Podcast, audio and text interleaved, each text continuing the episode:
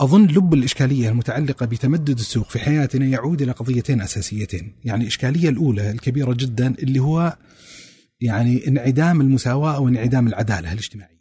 نستخدم ذات المصطلح تسليع الإنسان التعامل مع الكائن الإنساني البشري باعتباره يعني موردا من قطع الغيار اللي يستطيع الأثرياء والأغنياء أن يستغلونه في اللحظة التي يحتاجون ويضطرون إليها. افترض مثلا في أج... في أسرة معينة أب أو آسف زوج وزوجة مثلا لم يرزقوا بأبناء وعندهم استعداد يعني عائلة ثرية عندها استعداد أن تدفع مبلغا ماليا من أجل شراء طفل فهل يعتبر مثل هذا أخلاقي أو ليس اخلاقيا؟ حيا الله أبو صالح يا مرحبا أهلا وسهلا حياك الله أمورك؟ أبد خير وعافية وسلامة أسأل الله يديم عليك العافية والسلامة نعم. أول شيء وش قصة العنوان؟ ما لا يستطيع المال شراءه. جميل.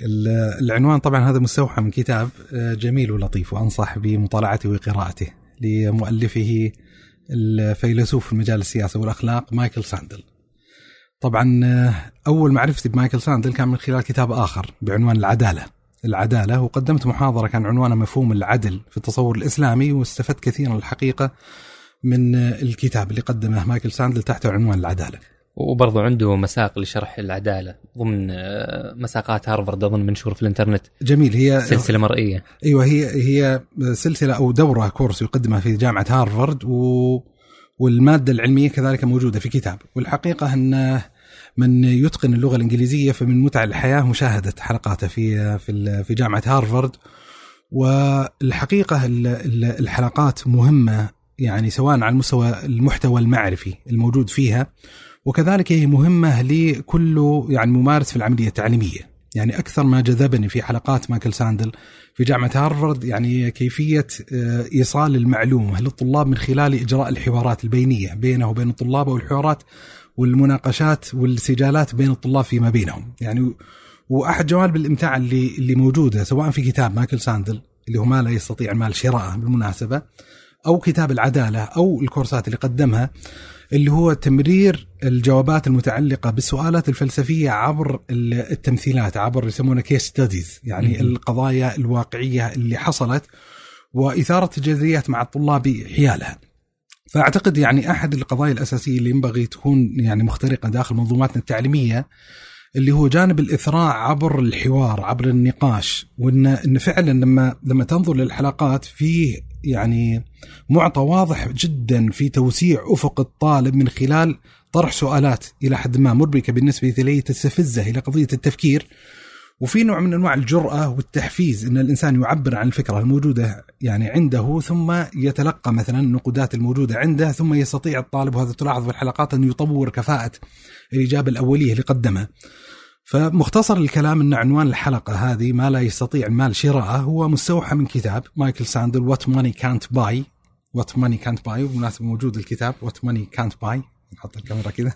بس قاريه Kindle. قاريه يعني طبعا لي قراءتين الكتاب قراءة قديمة للكتاب من النسخة الورقية والقراءة الأحدث يعني من جهاز ال Kindle. والعنوان الفرعي الكتاب The Moral Limits of Market اللي هو الحدود الأخلاقية للسوق الحدود الأخلاقية للسوق. وأعتقد أن الكتاب يعني من استمتع بقراءة كتابه العدالة فسيستمتع كثيرا بقراءة كتابه. يعني وات ماني كانت باي ما الذي لا يستطيع شراءه ما أعرف هل ترجم الكتاب العربية أو لم يترجم الكتاب العربية حتى الآن. فالشاهد ان أن عنوان الحلقة مستوحى من هذا العنوان وكثير من مضامين الحلقة وتمثيلاته وأفكاره يعني كذلك مستوحاه من ومستفادة من من قضية الكتاب. فهذا ما يتعلق بعنوان آه الحلقة. طيب وش المشكلة الموجودة اللي يطرحها الكتاب أصلا؟ المشكلة يعني واضح في العنوان الفرعي ذا uh, العنوان The Moral Limits of Market اللي هو حدود الأخلاقية للسوق وباعتباره فيلسوف مهتم بالمجال الأخلاقي والفلسفة الأخلاقية فهو يطرح معضلة ويطرح إشكالية ويبتدئ الكتاب حقيقة بذكر جملة من التمثيلات الطريفة اللي تستفز فعلا الإنسان لإدراك حجم تمدد السوق في حياتنا، يعني يذكر مثلا إن آه، في المجتمع الغربي في أمريكا في بعض الولايات يستطيع السجين مثلا يشتري الرفاهية داخل السجن، يعني إذا كان عندك مبلغ مالي معين كنت ثريا غنيا فتستطيع أن تشتري نمط من نمط الرفاهيات في السجن، تبغى مثلا زنزانة نظيفة انفرادية فراش جديد، مثلا تبغى شاشة مثلا تلفزيون داخل ال ال الزنزانة حقتك تبي دورة مياه مثلا مستقلة ادفع وتستطيع أن تحصل على هذه الفكرة. مثلا من التمثيلات فكرة إن إن مثلا أحد المظاهر اللي من يتابع جديد التقنية بالذات من شركة آبل وهذه كانت مظاهر حاضرة بشكل كبير ما أدري هل لا زالت قائمة أو غير قائمة كانت موجودة إلى حد ما. فكرة التخييم والاصطفاف قبل خروج المنتج الجديد من من من من من محلات محلات آبل. فتلاحظ إن إن الناس يخيمون. فنلاحظوا ملاحظة أن في بعض الهوملس بعض الفقراء المحاويج أنهم يصطفون مع الناس، طيب هذا ليس عنده المكنة المالية أن يشتري الجهاز الجديد. فإيش قاعد مصطف وجالس مصطف من أجل أن يبيع المكان الذي احتله. طيب فنتكلم الحين إيش مدى أخلاقية هذه الممارسة؟ طيب خلينا نطور سؤال بشكل أكثر احراجا انه طيب عندنا إنسان ثري فبدال ما يصطف مع الناس في مثل هذا الطابور فيجيب هوملس ويقعده في المكان هذا ويدفع له من أجل إنه يحتل له هذا الموقع وهذا المكان. مثلا على سبيل المثال، مثلا من المظاهر الطريفة موجودة في اليابان على سبيل المثال الإنسان إذا عنده جوعة اجتماعية ومحروم مثلا من أسرته مبتعث أو قضية معينة فيستطيع أن يستأجر له ابا وزوجة وابنة على سبيل المثال بحيث انه يكون له يعني أشبه الأسرة الافتراضية اللي يعني آه، يعني ما يتعلق بها. مثلا من القضايا كذلك اللي هو قضية يعني ويستطيع الحين الإنسان الانتقال إلى فضاءات أكثر أكثر يعني قربا والتصاقا وأكثر استفزازا للعقل فيما يتعلق بها يعني مثلا قضية بطاقات الهدية وتمدد بطاقات الهدية في المشهد. يعني إلى الحين ما وصلت عندنا ظاهرة الكوبونات الإهداء وبطاقات الهدية لمستوى الانتشار الموجود داخل أفق المجتمع الغربي لكنه يفرض السؤالات يعني هل يعني لسان حال بطاقة الهدية في نهاية المطاف انه انه يعطيك مبلغ مالي معين لتشتري من هذا المحل أو هذا المول أو هذا السوق أو هذا المتجر على سبيل المثال. طيب هل قيمة الهدية يعني هي مجرد مختزلة في إطار المال المقدم ولا هنالك قيمة معنوية بحيث انه آه، يطرح هذا السؤال على الطاولة هل تعتبر هذه الظاهرة ظاهرة بطاقة الهدية ظاهرة إيجابية حسنة مقبولة تمثل بديلا لقضية الهدية المعهودة التقليدية ولا لا هنالك إشكالية تحتاج أن تناقش. وينتقل الإنسان مثلا إلى إلى إلى مستوى أكثر إثارة وأكثر إشكالية ما يتعلق في المجال التربوي على سبيل المثال. يعني مثلا تحفيز الأبناء عبر المال للقيام ببعض الفروض يعني الدراسة مثلا التعلق بالكتاب. إن مثلا كل ما أنجز الطفل مثلا قراءة كتاب معين يعطى له مبلغ مالي معين. هل يعتبر التحفيز يعني بالمال كسلوك تربوي يعني امرا مطلوبا امرا حسنا على سبيل المثال؟ وطبعا في يعني أمثلة وشواهد يعني مستفزة كثيرة، يعني عندك مثلا قضية الإعلان على سبيل المثال، وتمدد الإعلان في حياتنا بشكل غير مسبوق أظن في تاريخ الانساني وتاريخ البشرية. وفي أمثلة الحقيقة حكيت في الكتاب صارخة ومعبرة عن حجم الإشكالية اللي تعصب بهذا الفضاء، يعني خليني أذكر يعني مثالين طريفين فيما يتعلق بهذا الإطار، أحد المطاعم في المكسيك آه، يقدمون خدمة وجبة طعام أو يعني تأكل ما تريده من البريت الظاهر الموجود عنده في المطعم شريطة أنك آه، تضع وشما في جسمك آه، للمطعم. طبعا هم يستخدمون هذه الوشوم يعني صار يستخدم الجسد الإنساني البشري باعتباره لوحة دعائية إعلانية معينة. وفعلا حصل يعني تقدم عدد كبير من الناس طالبين يعني ما عندهم مانع يعني يضعون هذا الوشم لهذا المحل في مقابل أن يحصلون على هذه الخدمة المطعم. مثلا مثال يمكن أكثر إشكالية إن امرأة أجرت آه، جبهتها يعني أو باعت عمليا جبهتها كلوحة إعلانية لأحد محلات الكازينو يعني عرضت الموضوع عن طريق الإنترنت. فأحد الكازينوهات آه، طلبوا منها أن تضع الوشم على الجبهة حقتها للموقع الإلكتروني لذلك الكازينو في مقابل 10000 دولار كانت محتاجة إليها. فمن الواضح مثلا أن سوق الدعاية سوق الإعلان كذلك يحتاج الإنسان يراقب آه، تمدد المال فيما يتعلق بهذا الفضاء فاظن أن هذه التمثيلات تعبر وتضع الإنسان في إطار الإشكالية المتعلقة بالمجال القيمي المجال الأخلاقي وما يتعلق بقضية السوق من الأمثلة برضو المستفزة أتوقع إنه في بعض الشركات اللي مصانع عندها وكذا فتنتج بعض مثلا الغازات المضرة إيه. بطبقه الأوزون وغيره لكنهم مستعدين يدفعون مقابل هذا الانبعاثات الكربونية مبالغ معينة فهو كأنه يشتري إيه. حق تلويث الأرض. ويعني أصلا يعني هل هذه المفروض يشتريها ولا ما يقدر يشتريها؟ إيه. هذا المصنع. طيب حلو إحنا أخذنا أمثلة وممكن أجي أقول والله يا أخي شوف إذا أنا عندي فلوس فالمفروض إني أقدر أسوي كل هذه الأشياء. فوش المشكلة إني يعني هو يعني الأمثلة اللي ذكرناها قبل قليل كلها تعبر عن فكرة واحدة ان إن في حالة إنسانية غير مسبوقة في تمدد السوق في حياتنا اليوم. وهذه ظاهرة أظنها يقدر يتلمس الإنسان تمددها وانفجارها في خلال العقود القريبة الماضية. ومما ساعد بشكل كبير جدا بتمدده لتقارب الأسواق اللي تنبأ به النبي صلى الله عليه وآله وسلم وكذلك ما يتعلق بسهولة التنقل من بقعة جغرافية على الأرض إلى بقعة أخرى وكذلك قضية الإنترنت وشبكات التواصل الاجتماعي والعالم المتاجر المفتوحه يعني لما يرجع الإنسان يعني إلى التاريخ سيجد أن البشرية في سياقها الإنسان البشري كانت عبارة عن أشبه الجزر المعزولة. يعني كنا نعيش في الزمن السالف في التاريخ الماضي عوالم وليس في عالم واحد. يعني لم يكن يعرف الأوروبي أو الصيني ما الذي كان يجري في جزيرة العرب لما بعث النبي صلى الله عليه وآله وسلم مثلا. لأنه كل يعني كل رقعة جغرافية معينة ترى يعيش كما يقال في عالمها الخاص. اللي حصل عندنا الحين لا ان إن ما عاد العالم يعيش حالة تلك العوالم بل يعني من التعبيرات الدارجة واللي صارت حتى مستهلكة في التعبير عن هذه القضية إن بات العالم كما يقال قرية يعني كونية مصغرة. والحقيقة يعني لما دخل بعد عالم الإنترنت يعني أظن إن ازدادت ضآلة وازدادت صغرا. فهذه يعني يعني هذه التمثيلات تدل على هالإشكالية، طيب ما هو المشكلة؟ المشكلة الحقيقة أن كثيرا من القيم المتعلقة بالسوق لا تنطلق في كثير من الأحيان من مرجعية أخلاقية. يعني لما يقرأ الإنسان وهذه ما أدري هل تضايق الاقتصاديين أو لا أن كثير من الاقتصاديين لا يحب انه يدخل في مجال الفلسفة الأخلاقية. يعني العقلية اللي تسيطر على الاقتصادي إذا عندي عرض وعندي طلب عندي طرف مقابل عندي طرف قابل إنه يبيع قضية معينة والطرف الثاني قادر على شرائها فسيقفز مباشر الاقتصادي لطرح سؤال طيب بكم؟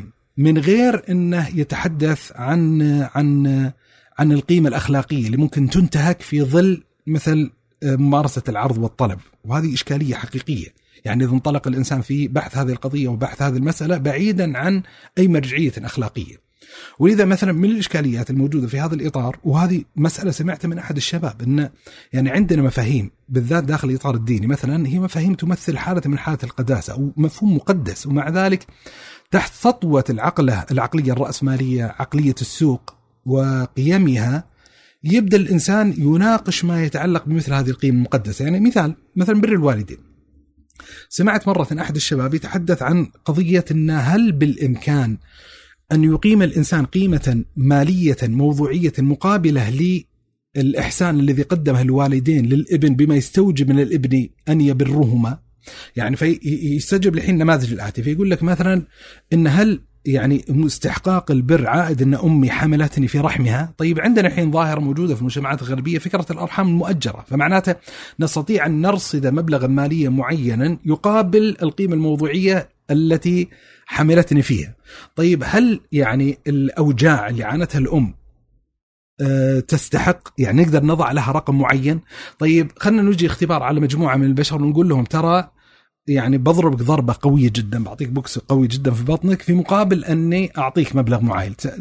فتلاحظ كل ما رفعت الرقم ستكتشف إن في مجموعة بشرية قابلة إن تتحمل العذاب أو الألم في مقابل إنها تحصل على هذا المال. وهكذا يبدأ يسترسل مع الموضوع يقول طيب رضعتني في الليل وكانت تسهر وتتعب وكذا. طيب هل أستطيع أني آتي بخادمه معينة تقوم بهذا الدور في مقابل مبلغ مالي؟ فتلاحظ إنه قاعد يفكك العملية المتعلقة من هذا الفصيل بحيث يعطيك إيحاء وانطباع أنه هو يعني راضغ تحت العقلية المادية في محاولة إعادة إنتاج قضية بر الوالدين ك كخدمة في مقابل خدمة أو خدمة يقبل أو يتعقل أو يمكن أن تشترى بالمال. مثلا هذا مثال. مثلا مفاهيم مثلا خذ مثال مثلا قضية الموت. قضية الموت يعني كيف يمكن أن يتدخل قيم السوق في مجال الموت يعني مثلا من التمثيلات الطريفة والعجيبة والغريبة الحقيقة أحد الموظفين ويعتبر شاب كان في في في المحلات سلسلة المتاجر المشهورة في أمريكا وول مارت كان يعاون أحد السيدات في نقل الشاشة شاشة التلفاز إلى سيارتها. في أثناء النقل أصابته يعني آه، سكتة قلبية أو شيء معين سقط نقل إلى المستشفى توفي الرجل. ثم تفاجأت زوجة الرجل بأن والمارت كانوا مؤمنين على حياة هذا الموظف. يعني متخيل الموضوع؟ إنه مؤمنين على حياة هذا الموظف. فلما مات الموظف دخل في حساب والمارت الظاهر يمكن 200 ألف دولار أو مبلغ معين.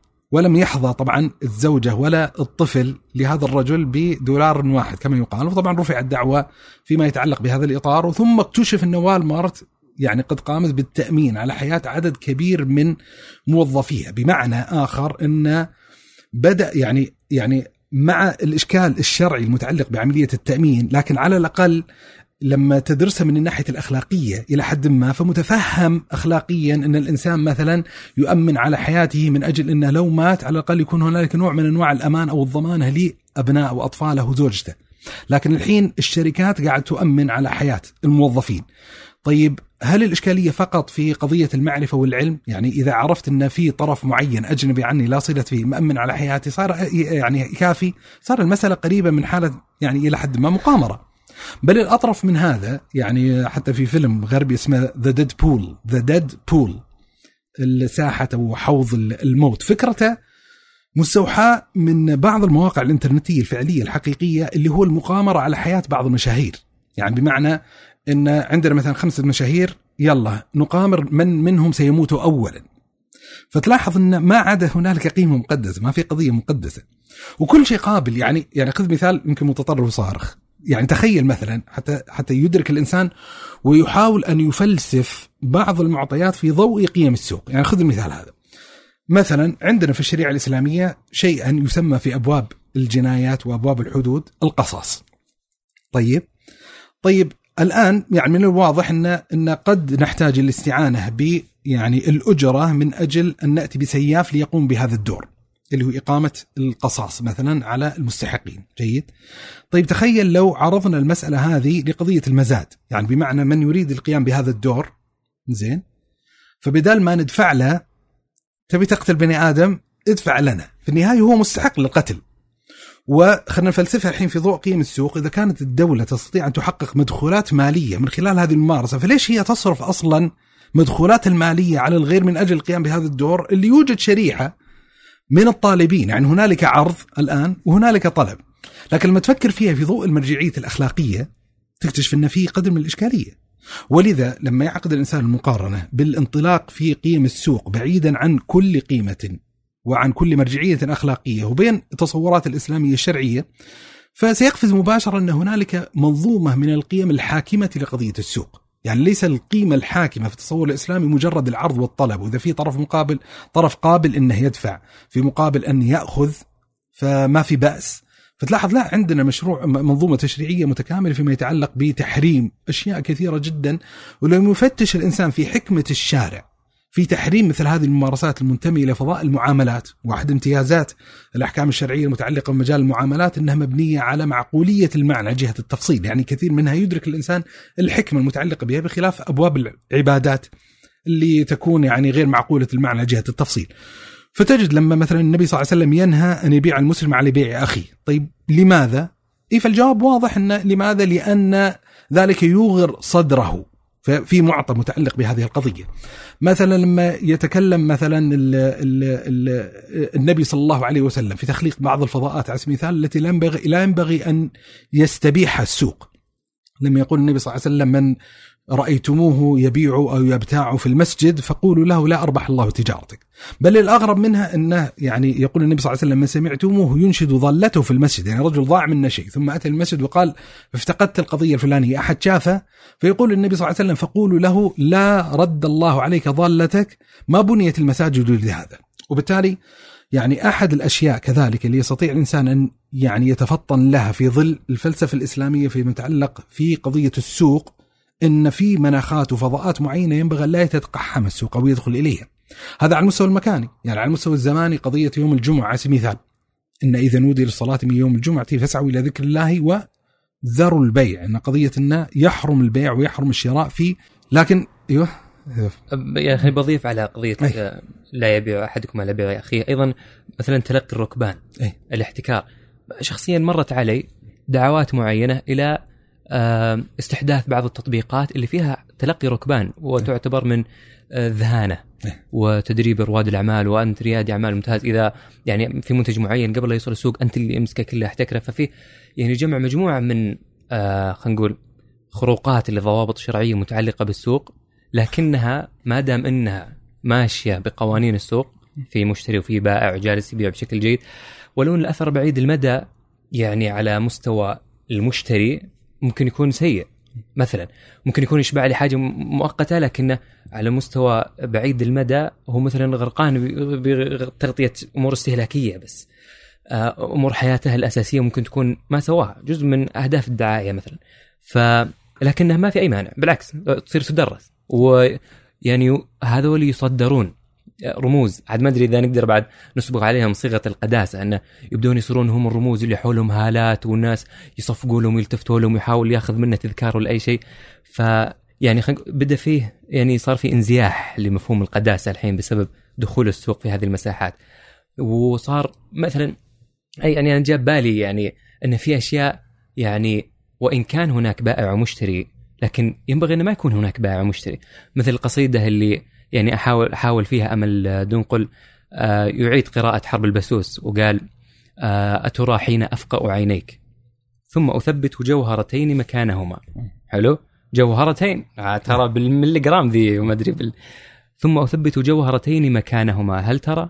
هي أشياء لا تشترى ففي أشياء ما تشترى يعني وإن كان السوق يعني يدفع إلى شرائها مو بس يقبل شرائها. ويمكن من آثار. بعد هذا ال... خلينا نقول هذا الانزياح اللي صاير في مفاهيم القداسة المتعلقة بالسوق انه القيم اللي الناس صاروا يعني يطمحون إليها ويتمنون أنهم يتبنونها حتى لو ما تبنوها على الأقل يشعرون انه يعني هذه القيم اللي ينبغي على الإنسان يتبناها بدأت تتغير شوي. يعني مثلا قيم مثلا الصدق مثلا هل الصدق إذا كان ما يفيدك تجاريا المفروض ان الواحد ما يصير صادق، ليش يصير صادق وهو ما يفيده تجاريا؟ إذا كان مثلا العفة، العفة ما عاد صار لها أصلا بريق في الحديث، وش قيمة العفة ذي يعني؟ قيمة العفة هذه ممكن الناس يستعملونها في يعني سياقات معينة قديمة وكذا، لكن الحديث الحين عن عن بعض القيم التي لا تسير جنبا إلى جنب مع قيم مثلا الإنتاجية وكذا، يمكن ما عاد صار لها هذا يعني لمعان في في عيون الناس. وسبب يمكن توغل يعني خلينا نقول التفك... التفكير السوقي حتى يعني السوق مو بس توغل في الميادين توغل حتى في العقل. فصار نظرة الأهل نظرة الأسرة بدأ يصير فيها يعني طريقة تفكير يغلب عليها طابع وقوانين السوق. طيب الحين قلنا طبعا في مقترح يغير العنوان هي أشياء لا تشترى لفت نظري يعني. آه طيب حلو. إحنا قلنا ان في أزمة نزع قداسة وفي بيع اشياء ما تباع يعني. طيب حلو مثال عليها مثلا هل مشكلتك بس مع أزمة نزع القداسة ولا يعني في مشاكل ثانية؟ يعني هي طبعا هي هي إشكالية أعتقد إشكالية كبيرة يعني ويستطيع الإنسان الاسترسال في ذكر نماذج متعددة متعلقة بهذه المسألة ويعني أحد المفاهيم اللي روج له وذكرها الدكتور عبد الوهاب المسيري في كتابه العلمانية الجزئية والشاملة وغيرها فكرة تسليع الإنسان والتعامل مع الإنسان باعتباره شيئا.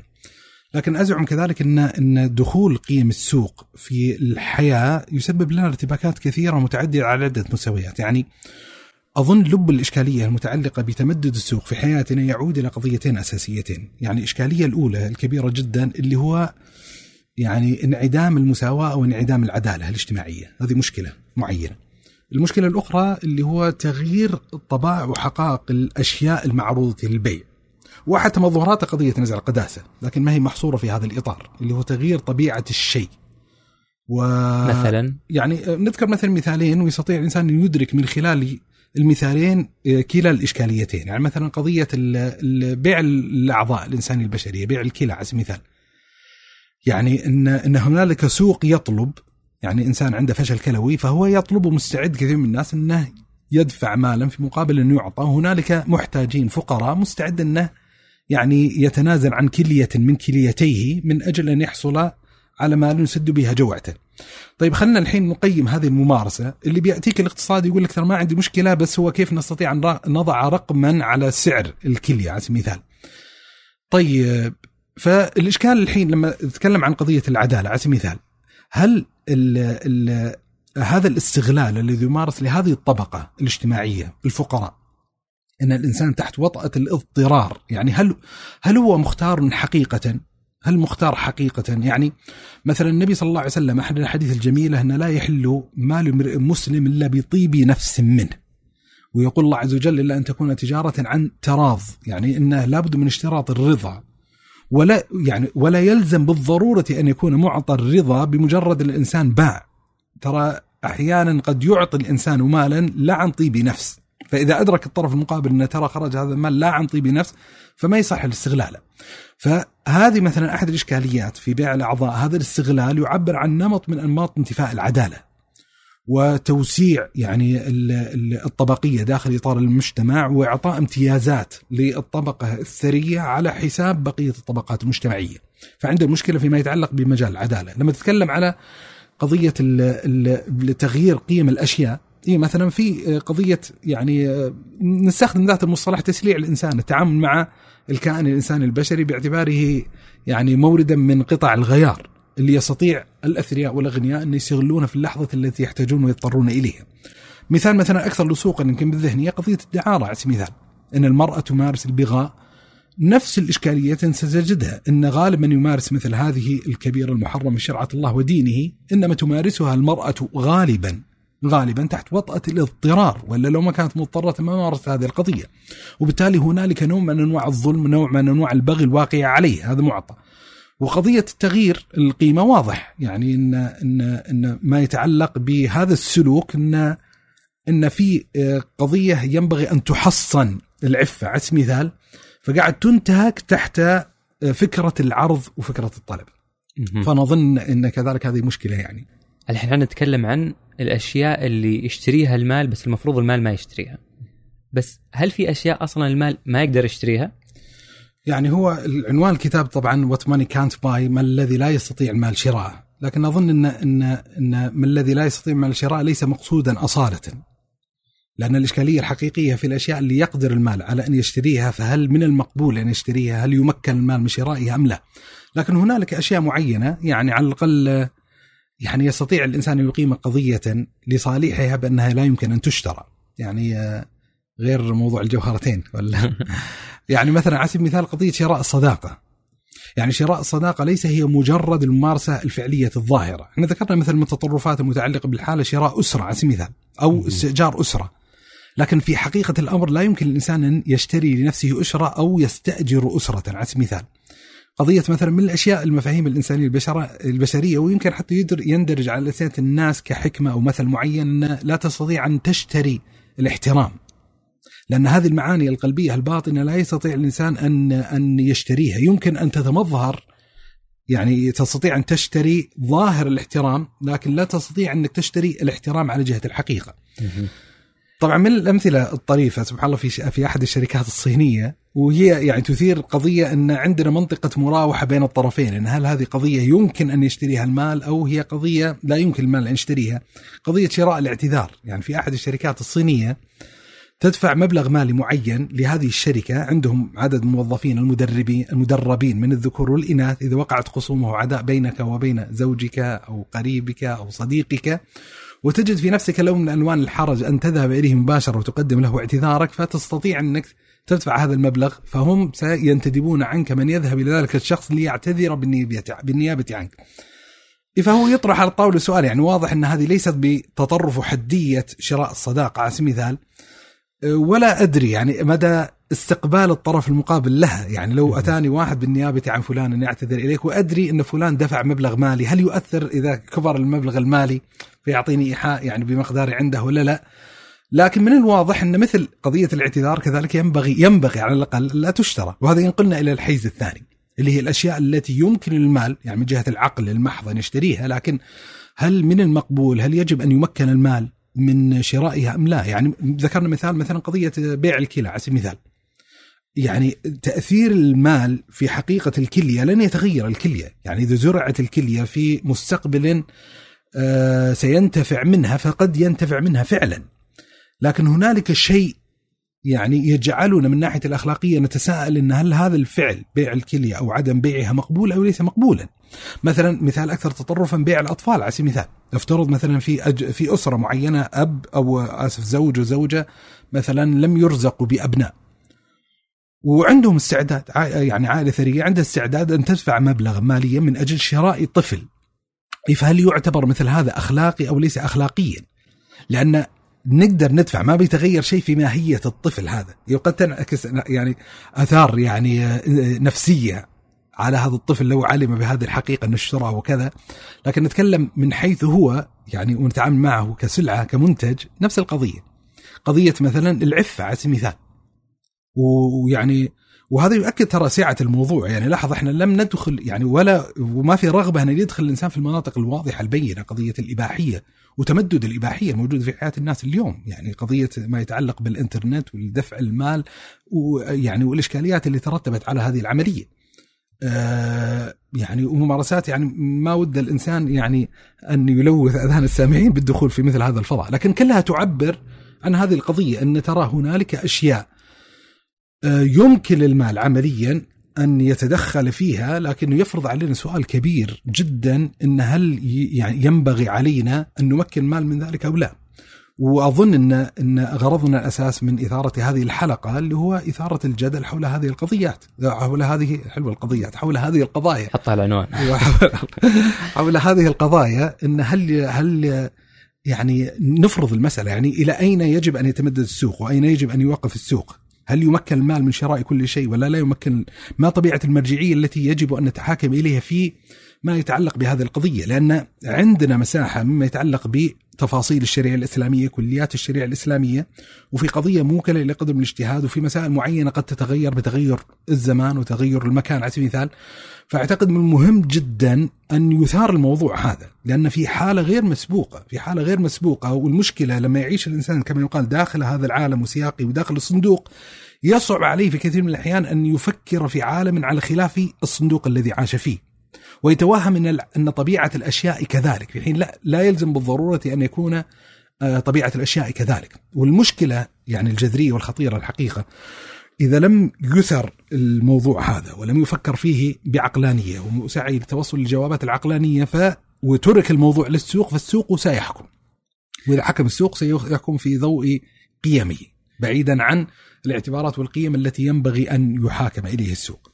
في مجموعة معلبات فكرية مجهزة السوق أي واحد يعني بيتخذ قرارات بيفكر حتى ممكن يعطيك منظومة فلسفية بس مقابل أنه يمشي بضاعة معينة بفلوس. وموجود سبحان الله في التراث الإسلامي مثلا من العبارات الطريفة اللي قرأت مقالة قريبة للصديق الحبيب بدر الثوعي آه، يعني ابتدأ مقالته باقتباس الحقيقة لفت نظري لما قال إن كانوا يكرهون أخلاق التجار. يكرهون أخلاق التجار وتكلم عن التدقيق الموجود في عالم التجارة. يعني إذا بنيت العلاقات الإنسانية البشرية على مقتضيات التجارة وإن فعلت لي وسويت لي وأنا يعني أطالب بحقي في مقابل الواجب اللي يعني المحققة وكانوا يحبون أخلاق السادة اللي يعني يترفع الإنسان عن سفاسف الأمور يترفع الإنسان عن التدقيق على الغير. بس أنا لفت نظري فكرة أخلاق التجار هذه. يمكن تشبه تعبير عبد الوهاب المسيري الله يغفر له عن المجتمع التعاقدي والمجتمع التراحمي. إنه يعني لما طلع من مجتمع دمنهور البسيط اللي يعني تغلب عليه إنه الطبيعة التراحمية و... ومو هو بلازم أنا أبي منك مصلحة في النهاية علشان أخدمك وأساعدك وأعطف عليك. لا أقدر يعني وهذه صارت تجعل الناس يخدمون الآخرين حتى لو خدمة غير ظاهرة. ليه؟ لأن أنا ما أبي منك في النهاية نتيجة. لا أنا أخدمك لأنك أنت ابن الديرة. أنت يعني آه، تجمع مجموعة مشتركات. ثم لما انتقل إلى يعني نيويورك وجامعة كولومبيا واكتشف انه حتى الاسر صارت تعاقدية. يعني الأب يعني لازم يمارس مجموعة من يعني إعطاء الإبن يعني حقوق وفرص وواجبات وخدمات وترفيه. ليه؟ علشان يعبي رصيد عشان بعدين مثلا يبي يسحب منه. لكن فكرة إنه لا في شيء فوق. في شيء فوق. إني أنا أعطيك تعبي رصيد عاطفي لا. أنا أبوك بغض النظر أنا أخوك بغض النظر أنا ابن ديرتك بغض النظر فيعني هذه بدأت أيضا يمكن إن شاء الله إنها ما بدأت تغيب عننا يعني أنا بالعكس أشوف إن هذا أحد الأمثلة يعني أشبه المسطره أو المعيار اللي يستطيع الإنسان أن يحاكم حجم الإشكالية الموجود داخل الاطار المجتمعي. يعني خلى الإنسان يرجع بذاكرته لأيام طفولته ويعقد المقارنة وحالة الانتقال من المجتمع التراحمي للمجتمع التعاقدي. يعني يعني مثلا معرفة الإنسان بجيرانه. اليوم مقارن بمعرفة الإنسان بجيرانه بالأمس. على سبيل المثال مثلا ظاهرة البيت الكبير. البيت الذي يوجد فيه الجد والجدة بالإضافة إلى الوالدين والأطفال مثلا. وطبيعة يعني المعيشة في الكنتونات أو المعلبات الصغيرة الشقق. على سبيل المثال فالشاهد إن بالعكس يعني أنا أشوف يعني هذا يقع في صميم الموضوع اللي نطرحه وإن يمكن يعني أحد الإفرازات اللي خلقتها الراسماليه أو قيم السوق يعني تخليق هذا النمط الاجتماعي الجديد. المشكلة لما بدينا إحنا نعاني وبدأ بعض الباحثين الغربيين يلاحظون المعاناة اللي تشكلت عند الفرد جراء غياب هذا الانتماء والذوبان في مجتمعات آمنة، مجتمع يعرف أن هذا المجتمع سيقبله ايا يكن ما فعله. في النهاية أنت أخوي حتى لو يعني مثلا مثلا أخ ضرب أخوه إلين ما أصيب بالصرع. وهذا مثلا رايته أنا بس إنهم من الجيل لا زال الجيل اللي فوق يعني. يقوم بأداء كل واجبات واجبات واجباته تجاه أخوه ويؤدي حقوق أخوه كأنه ما سوى له أي شيء. لأن هذه الأشياء يعني جانبية. إحنا في بيننا صلة أكبر من وش أنت سويت وش أنا ما سويت. أو لما بدي يلاحظوا مثلا فيه The Power of Meaning كتاب ل Emily أتوقع كان يتكلم إنه آه، أسباب خلينا نقول السعادة الأربعة. أحدها الانتماء إلى هذا النوع من البيئات. وأطول دراسة في العالم اللي موجودة في TEDx عرضها الباحث الرئيس. يمكن 75 سنة وقتها كان عمر الدراسة. إن السبب الرئيس للسعادة 75 سنة يدرسون أجيال وراء أجيال هي العلاقات الترابط. اظنها كانت جت تكررت مرتين في الخمس أسباب الأولى. فبداوا يلاحظونها من الزاوية الثانية. يعني لما صار في زحمة على مثلا العيادات النفسية جراء يعني إن الإنسان ما لقى حد حوله ولا شيء زي كذا. جاب بالي برضو على طاري تدكس في في تدكس كامبريدج تكلم مايكل نورتون. هذا باحث ب MIT وبهارفارد آه عن هل المال يستطيع شراء السعادة؟ على ذكر هل يقدر يشتري الصداقة والاحترام. وبدأ بدراسه غريبة ومقال منشور في ال CNN عن الناس اللي فازوا باليانصيب. ضربة مالية بلحظة واحدة. هل هذول صاروا سعداء لما جتهم؟ بالعكس صاروا لا على مستوى العلاقات تدمرت. لأن الناس بدات تزيد توقعاتهم أو بعضهم تسلفوا ثم ما قدروا يرجعون. آه لا على المستوى المالي. يعني بعد فترة لقوهم في حال مالية أسوأ من قبل. ولا على مستوى السعادة أيضا آه صار فيه. يعني حالة نفسية سيئة. فكان يتكلم إنه كل الناس اللي يعلقون يقولون هذول هم بس لو إحنا جتنا الفلوس بنوريكم إحنا نعرف كيف بالضبط نوصل لأسباب السعادة. آه ثم عرض نتيجة دراسة وكانت صادمة بالنسبة لي. قال إذا أنت بتصير سعيد أعطي المال للآخرين. حلو؟ وليس إنك أنت تتلقى المال وتستهلكه وسووا دراسات جابوا مجموعة من الناس هذول أنتم أنفقوا على الآخرين وأنتم أنفقوا على أنفسكم وقاسوا مستوى السعادة صار الانفقوا على الآخرين مستوى سعادتهم أعلى فيعني أحيانا ممكن أوكي المال بيفيد يعني على مستوى معين بس يعني يمدينا ننظر من زاوية ثانية بنوصل لنتيجة معينة. جميل. انت ذكرت في البداية مثال الطابور. آه، وش مشكلتك مع الطابور؟ هو احد الأفكار اللي طرحها كتابه جميلة الحقيقة اللي هو قضية إن في دعوة موجودة داخل الأفق الاقتصادي إن الاقتصاد أو أو قيم السوق هي الأقدر على توزيع السلع والخدمات بطريقة أكثر نضجا ورشدا وأفضل لكل الأطراف المتعلقة بهذا السوق. آه، وبالتالي مثلا اقتصاديا يتعاملون مع الطابور الطويل. إذا بدأ يمتد الطابور بشكل معين فيعتبر هذا فيه نوع من أنواع الخسارة المالية. يتعاملون يتعاملون معه باعتباره في قدر من الهدر المالي. ولذا مثلا أحد المظاهر الموجودة في كثير من المجالات المتعلقة بفكرة الطابور. يعني خذ مثال مثلا مثلا أصحاب الدرجة الأولى على سبيل المثال في الطيران يتم تخصيص طابور خاص فيهم. فعمليا مضمن في قيمة التذكرة قيمة اختصار الطابور. أنا أذكر مثلا لما كنت في بريطانيا في أحد المناسبات ورحنا أحد المعالم السياحية في لندن يسمونه لندن آي. عندهم ما ادري ما أدري إيش يسمونه باللغة الإنجليزية لكن اللي يدور هذا. زين العجلة عين لندن. اسمه عين لندن لندن آي.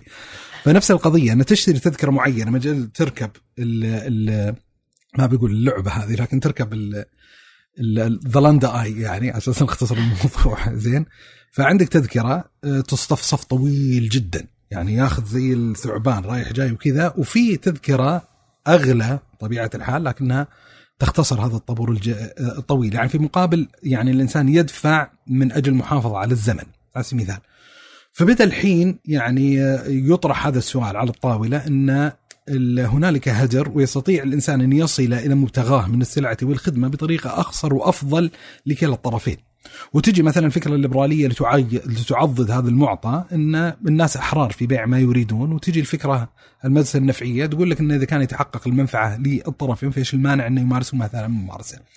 وتبدأ الحين تتشكل أسواق على هامش هذا الطابور يعني مثلا يعني مثلا أحد المواقع الإنترنتية يعني حتى نختصر الموضوع في موقع إنترنتي اسمه line waiting أو line standing dot com يعني انه يلاحظون إن في طابور طويل لقضية معينة فإيش اللي يصير؟ اختصارا للقضية هذه أو أنت لا تضيع لا تريد أن تضيع وقتك وتجي وتصطف لساعات طوال لهذه القضية فهنالك شركة مستعدين أنهم يوظفون إنسان معين من أجل أن يجلس في المكان المخصص على سبيل المثال.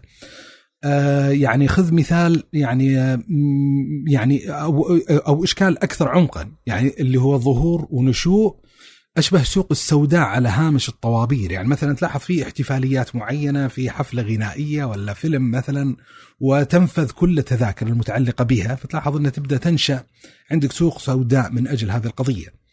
وزي ما ذكرنا اللي هو قضية القداسة أو الدين إنها لا تخرج عن هذا الإطار في بعض الأحيان. يعني مثلا في زيارة مشهورة حصلت لباب الفاتيكان لأمريكا. وكان في يعني أشبه الموعظة الدينية اللي يقدمها في أحد الستاديومز في أمريكا فاللي حصل انه بيعت كل التذاكر ف نشأت على الهامش سوق سوداء لهذه القضية. مثلا يعني خذ مثال أكثر إحراجا ويكشف لك عن الإشكالية العميقة المتعلقة بجعل يعني ما يتعلق بالطابور في في مجال ال ال أو أو جعلها راضخة لقيم السوق. يعني خذ هذا المثال. في الصين على أساس يعرض الإنسان نفسه على طبيب يعتبر يعني خلينا نعبر بالتعبير هذا تذكرة الدخول على الطبيب تعتبر رخيصة نسبيا 2 دولار تقريبا. لكن الطابور طويل جدا. وبالتالي شو اللي قاعد يحصل؟ إن تبدأ تبيع التذاكر تبدأ تنشأ السوق السوداء. طيب إيش الإشكالية المتعلقة بهذه الممارسة لما يريد الإنسان أن يقيمها من ناحية أخلاقية؟ طبعا يعني قبل ما يدخل الإنسان في القيمة الجانب الأخلاقي يقدر يعني أن يناقش المبدأ أو المنطلق اللي انطلق منها هذا الجدل والنقاش اللي هو جعل الطابور استبدال الطابور بقيمة السوق بقيمة العرض والطلب. وأن السوق هو الأقدر على توزيع السلع والخدمات بطريقة أفضل من فكرة الطابور. بمعنى أن السلعة تصل إلى من يريدها بطريقة أفضل للطرفين. هل هذه الدعوة حقيقية وصحيحة؟ يعني السوق يستطيع أن يحقق لنا ضمانة أن السلعة تصل أو الخدمة تصل لمن يستطيع أن يدفع أكثر. لكن لا يلزم بالضرورة أن أنها توصل السلعة إلى من يحتاجها أكثر. على سبيل المثال أو من هو راغب فيها أكثر. واللي تلاحظ أن يعني بالذات الطبقة البرجوازية أحيانا يحضرون بعض الفعاليات وكذا مثل البرستيج. يعني تجد مثلا يحجز له مقعد متقدم مثلا في مناسبة أو شيء معين من غير أن يحضر في نهاية المطاف لأنه هو متخذ المسألة برستيج. مش القصة انه هو عنده رغبة حقيقية قد يكون هنالك إنسان فقير أكثر رغبه منه. ولذا المشكلة الأساسية وهنا البعد الاخلاقي المتعلق اللي هو توسيع وهذا اللي نتكلم منه لما تقحم المال في كل شيء المشكلة الخطيرة المشكلة الأساسية ان تعطي امتياز لطبقة مجتمعية معينة على حساب بقية الطبقات المجتمعية، يعني بمعنى آخر اللي أظن المفترض أن ننطلق منه وفي بعض الأصول الشرعية اللي تقرر هذا المعنى ان هنالك فضاء فضاء معين. ينبغي أن يكون هذا الفضاء يعني من قبيل الفرص المتكافئة، ينبغي أن يكون الناس أسوياء فيه، لا ينبغي أن يكون هنالك نوع من أنواع الامتيازات لطبقات على بقية الطبقات، إذا ألغيت يعني باختصار إذا ألغيت فكرة فكرة الطابور المؤسسة على فلسفة first in first out يعني أول واحد يأتي أول واحد يخرج مخدوما بفكرة أو فلسفة السوق يعني أنك تحظى أو تنال بما تدفعه. المشكلة أنك توسع بين الفارق الموجود يعني تخلق إشكال. يعني مثلا جبنا مثال الصين اللي هو 2 دولار. يصير المشكلة الحين اللي بيمشي تحت قيمة الطابور مضطر إنه يتأخر بشكل كبير جدا والأثرياء والأغنياء يصيرون أقدر على الدخول مباشرة إلى الطبيب. طيب هل هذا يعني يحتاج نقاش ونوسع دلالته؟ يعني النبي صلى الله عليه وسلم مثلا لما يقول في شأن الحج مثلا من مناخ من سبق. فتلاحظ اللي هو توسيع دائرة الفرص واستبعاد المعامل المالي في التأثير في هذا المعطى. على سبيل المثال مثلا في حديث منسوب النبي صلى الله عليه وسلم فقهاء يعني متتابعين على معناه ما هو مشكل لكن أظن أن في إشكال من جهه الإسنادية من سبق إلى شيء فهو أحق به من سبق إلى شيء فهو أحق به. مثلا قول النبي صلى الله عليه وسلم الناس شركاء في ثلاثة. الماء والكلى والنار. فقصدي إن في أصول شرعية تدل على إن هنالك إرادة شرعية. في إرادة شرعية لتخليق فضاء معين يستوي فيه الكل. يعني وتخيل لو يعني بحمد الله عز وجل القضية هذه غير متصورة ومتعقدة داخل يعني داخل التصور الشرعي التصور الإسلامي. لكن تخيل ما دام النبي صلى الله عليه وآله وسلم تحدث عن عن فكرة الصفوف وفضل الصف الأول فخلنا نعرضه للسوق على سبيل المثال. لاحظ الكارثة اللي ممكن تترتب على هذه القضية بحيث يحرم الإنسان لهذا المعطى في حين إن ندرك في ضوء القيم الشرعية لا إن تحل بعض الخلافات المتعلقة بهذا الإطار بأساليب خارج إطار السوق. يعني مثلا خذ مثال مثلا قضية آه، في في الصف الأول في قضية الأذان ثم لم يجدوا إلا أن يستهموا عليه استهموا قضية القرعه في الحل. فقصدي لاحظت الحين إن الشريعة تبني إما على فلسفة الطابور من مناخ من سبق ليسبق أو يعني إن لم تحل هذه الأزمة ممكن تحل بفكرة القرعة. وطبعا يعني بس تاكيدا ليس المقصود بطبيعة الحال اللي هو إلغاء يعني قيم السوق بالكلية كما يقال. يعني لو قدر اني عرضت مثلا سيارتي للبيع على سبيل المثال فليس مطلوبا مني بالضرورة أن أبيعها على أول يعني آه، شخص يرغب في شرائها قد ما يعجبني المبلغ المالي ما هو ملزوم بهذه القضية. بس هو موطن الفكرة وموطن الشاهد إن هنالك دعوة معينة تحتاج إلى مراجعة هذه الدعوة. ومناقشة إيش الانعكاسات الأخلاقية لو ألغيت قيم الطابور خلينا نقول لصالح قيم السوق. اللي ازعم إنه يعني بتوسع من حالة اللامساواة داخل الإطار المجتمعي، ستوسع من حالة يعني انعدام العدالة الاجتماعية، ستوسع من اللي هو الفاصل داخل إطار الطبقات المجتمعية في حين مع الاعتراف بوجود نوع من أنواع الطبقيات، لكن ينبغي أن يكون هنالك فضاء من قبيل المشترك، من قبيل المشترك بين الكل، بحيث ما تتخلق امتيازات ابيض على أسود ولا اسود على أبيض ولا عربي على عجمي ولا عجمي على عربي يعني إلا إلا بالتقوى يعني. أحيانا من كثر ازدياد الفجوة اللي ما بين الطبقات الطبقة اللي تحت مو بس آه، تحرم من بعض الفرص لا تصير مستبعدة أصلا كأنها غير مرئية في العالم الحديث لهذا أحد شعارات اللي أطلقت آه، من بعض المنظمات الدولية في محاربة الفقر إنه محاربة الفقر هي محاربة الاستبعاد من الحياة فعلا هذول الناس يعني اليوم ما يروح آه، عين لندن بكرة ما يقدر يعني يمارس أي نوع من الأنشطة الترفيهية أصلا ليه؟ لأنها محصورة بس على الفئة هذه. أم على الطاري يعني قضية المال وذا هو ما طاري صراحة بس انه بقوله اللي هو في بداية الحلقة لما طرحت قضية التحفيز بالمال والتربيه بالمال لما الواحد يقول لعياله أقرأ وبعطيك فلوس. حلوة والله. إيش في إشكال؟ اللي أظنه آه يعني عائد إلى إلى قضيتين. إن السؤال معبر عن الروح الاقتصادية إنه المهم هل يؤثر ولا لا يؤثر. هذه القضية الأساسية. في حين مفترض أن نطرح سؤالا آخر متعلق بالعملية هل الممارسة هذه مقبولة أو غير مقبولة؟ يعني ما هي طبيعة الارتدادات الأخلاقية المتعلقة بهذه الممارسة؟ يعني ليس كافيا إن نقارب ما يتعلق بهذه القضية إن هل تتحقق في ظلها نتائج معينة أو لا يتحقق نتائج مفروض بعد نطرح سؤال آخر إن ما الأثار الأخلاقية المتعلقة بهذه الممارسة حتى لو قدر إن تحققت يعني ممارسات إيجابية من خلال يعني إيجاد هذه القضية في الواقع اللي هو قضية القراءة كنموذج. طبعا مقاربة الروح الاقتصادية لهذه القضية مقاربة تحفيزية. ترى أن المال هو أحد الأدوات الكبيرة جدا في التحفيز تحفيز الإنسان لممارسة فعل معين. بل في كتاب يعني معروف ومشهور يعني من الكتب الشعبية في مجال الاقتصاد اسمه Freakonomics Freakonomics وأظن ترجم اللغة العربية. أحد الاقتباسات المهمة في الكتاب يقول لك إن التحفيز أو الحوافز هي حجر الزاوية في الحياة المعاصرة. وكثير من الاقتصاديين يتعامل مع المحفزات باعتبارها جذر الاقتصاد وجذر علم الاقتصاد مبني على فكرة المحفزات. ففي نوع من أنواع انفتاح الشهية داخل الأفق الاقتصادي داخل الأفق قيم السوق لإشاعة ما يتعلق بقضية التحفيز. ولذا قاعد تتشكل في المجتمع الغربي تطرفات متعلقة بهذه العملية. يعني مثلا أحد المشاكل الاجتماعية الأخلاقية الموجودة في أفق الغربي وفي المجتمع العالم بشكل عام ظاهرة الإدمان إدمان المخدرات. طيب. فدرسوا من الناحية الاجتماعية أن أمها الأمهات المدمنات لما يحملون ويجيبون أبناء يصير يعني في مشاكل كبيرة جدا فيما يتعلق ب الابناء يعني في تعرضهم للعنف في انتهاك حق الطفولة في أشياء كثيرة وجرائم تمارس في حقهم وكذا.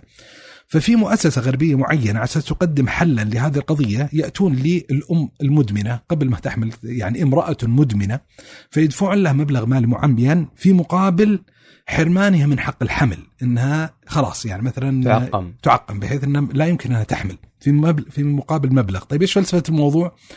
إن المدمنة هذه إذا منع عنها إن تجيب طفل فذلك الطفل بين قوسين المعدوم لن يتعرض للانتهاكات اللي حصلت. فنلاحظ الحين التحفيز يعني للحرمان مثلا من حق الأمومة من خلال المال على سبيل المثال هذا مثال صارخ. في مثال أمثلة مثلا أكثر أكثر خفة يعني على سبيل المثال تحفيز الناس بالمال لما يتعلق بالجانب الصحي. يعني إنسان مثلا آه، مدمن على عادة التدخين أو مدخن على سبيل المثال فيعطى مال معين في مقابل أنه يترك هذه العادة القبيحة. مثلا إنسان سمين على سبيل المثال فيحفز من خلال المال لإنقاص وزنه على سبيل المثال. والمثال يعني اللي موجود داخل البيوتات أن الأب أو الأم يحفزون أبنائهم لممارسة بعض الفروض الوظيفية داخل البيت القراءة. مثلا الإنسان يجيب نتائج طيبة في الاختبارات المدرسية من خلال المال على سبيل المثال.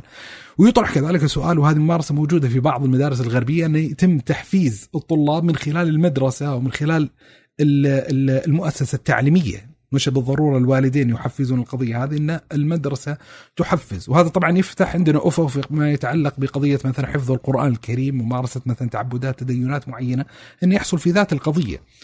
ف القضية اللي يعني اللي يحتاج الإنسان أن ينصرف بذهنه إليها أيضا بالإضافة إلى دراسة ما يتعلق بمعامل التأثير اللي هو إيش التداعيات الأخلاقية المتعدية بهذه القضية بما يجعل هذا الفعل مقبولا أو غير مقبول. يعني خلينا نقسم ما يمكن أن يكون يترتب عليه من تداعيات أخلاقية لقضيتين أساسيتين. في مناقشة موجودة فيما يتعلق بمثل هذه الممارسات تحت وطأة تطلب العدالة. بالذات في ظل تدخل الدولة على سبيل المثال. أو يعني نأخذ المثال ال ال يعني الأخف مثلا يعني مثلا السمين على سبيل المثال. لما الدولة تصرف مبالغ مالية تحفيزية للسمين قد يعترض بقية المجتمع إنه ليش يعطون مثل هذا المبلغ المالي في مقابل حرمان البقيه ففي إشكالية يعني ممكن يفكر فيها الإنسان من جهة العدالة على سبيل المثال. في عندك مثلا وهي قضية أخف يعني وطأة. الإشكال الأكبر اللي هو التغيير الذي سيطال القيمة. التغيير اللي بيطال القيمة. يعني بمعنى المفترض انه يربى الطفل مثلا على أن يكون محفزا لقضية القراءة لأن القراءة مهمة في حياته، المفروض أن نحفز فيه محبة القراءة لأن القراءة مفيدة. الإشكال لما تحفز عن طريق المال سيتعاطى مع القراءة باعتباره وظيفة وتكليف وعبء. وقد لا تتقلق العلاقة الودودة بقضية القراءة من حيث هي وإنما تتشكل العلاقة الودودة بالمال مترتبة على قضية القراءة. يعني هو نوع من أنواع الرشوة للطفل ويعني يعني خلينا نقربها مثلا المقاربه الصحية. لسان الحال لما تعطي المدخن مالا في مقابل انه يترك التدخين أو سمينا في مقابل انه ينقص من وزنه لسان الحال تقول له أنت لست عابئا بي. صحتك لست عابئا بحياتك فعلى الأقل كن عابئا بها من أجل المال. فتلاحظ لما تصيغ المسألة في هذا القالب وفي هذا الإطار يظهر لك جزء من الإشكالية المتعلقة بهذه القضية.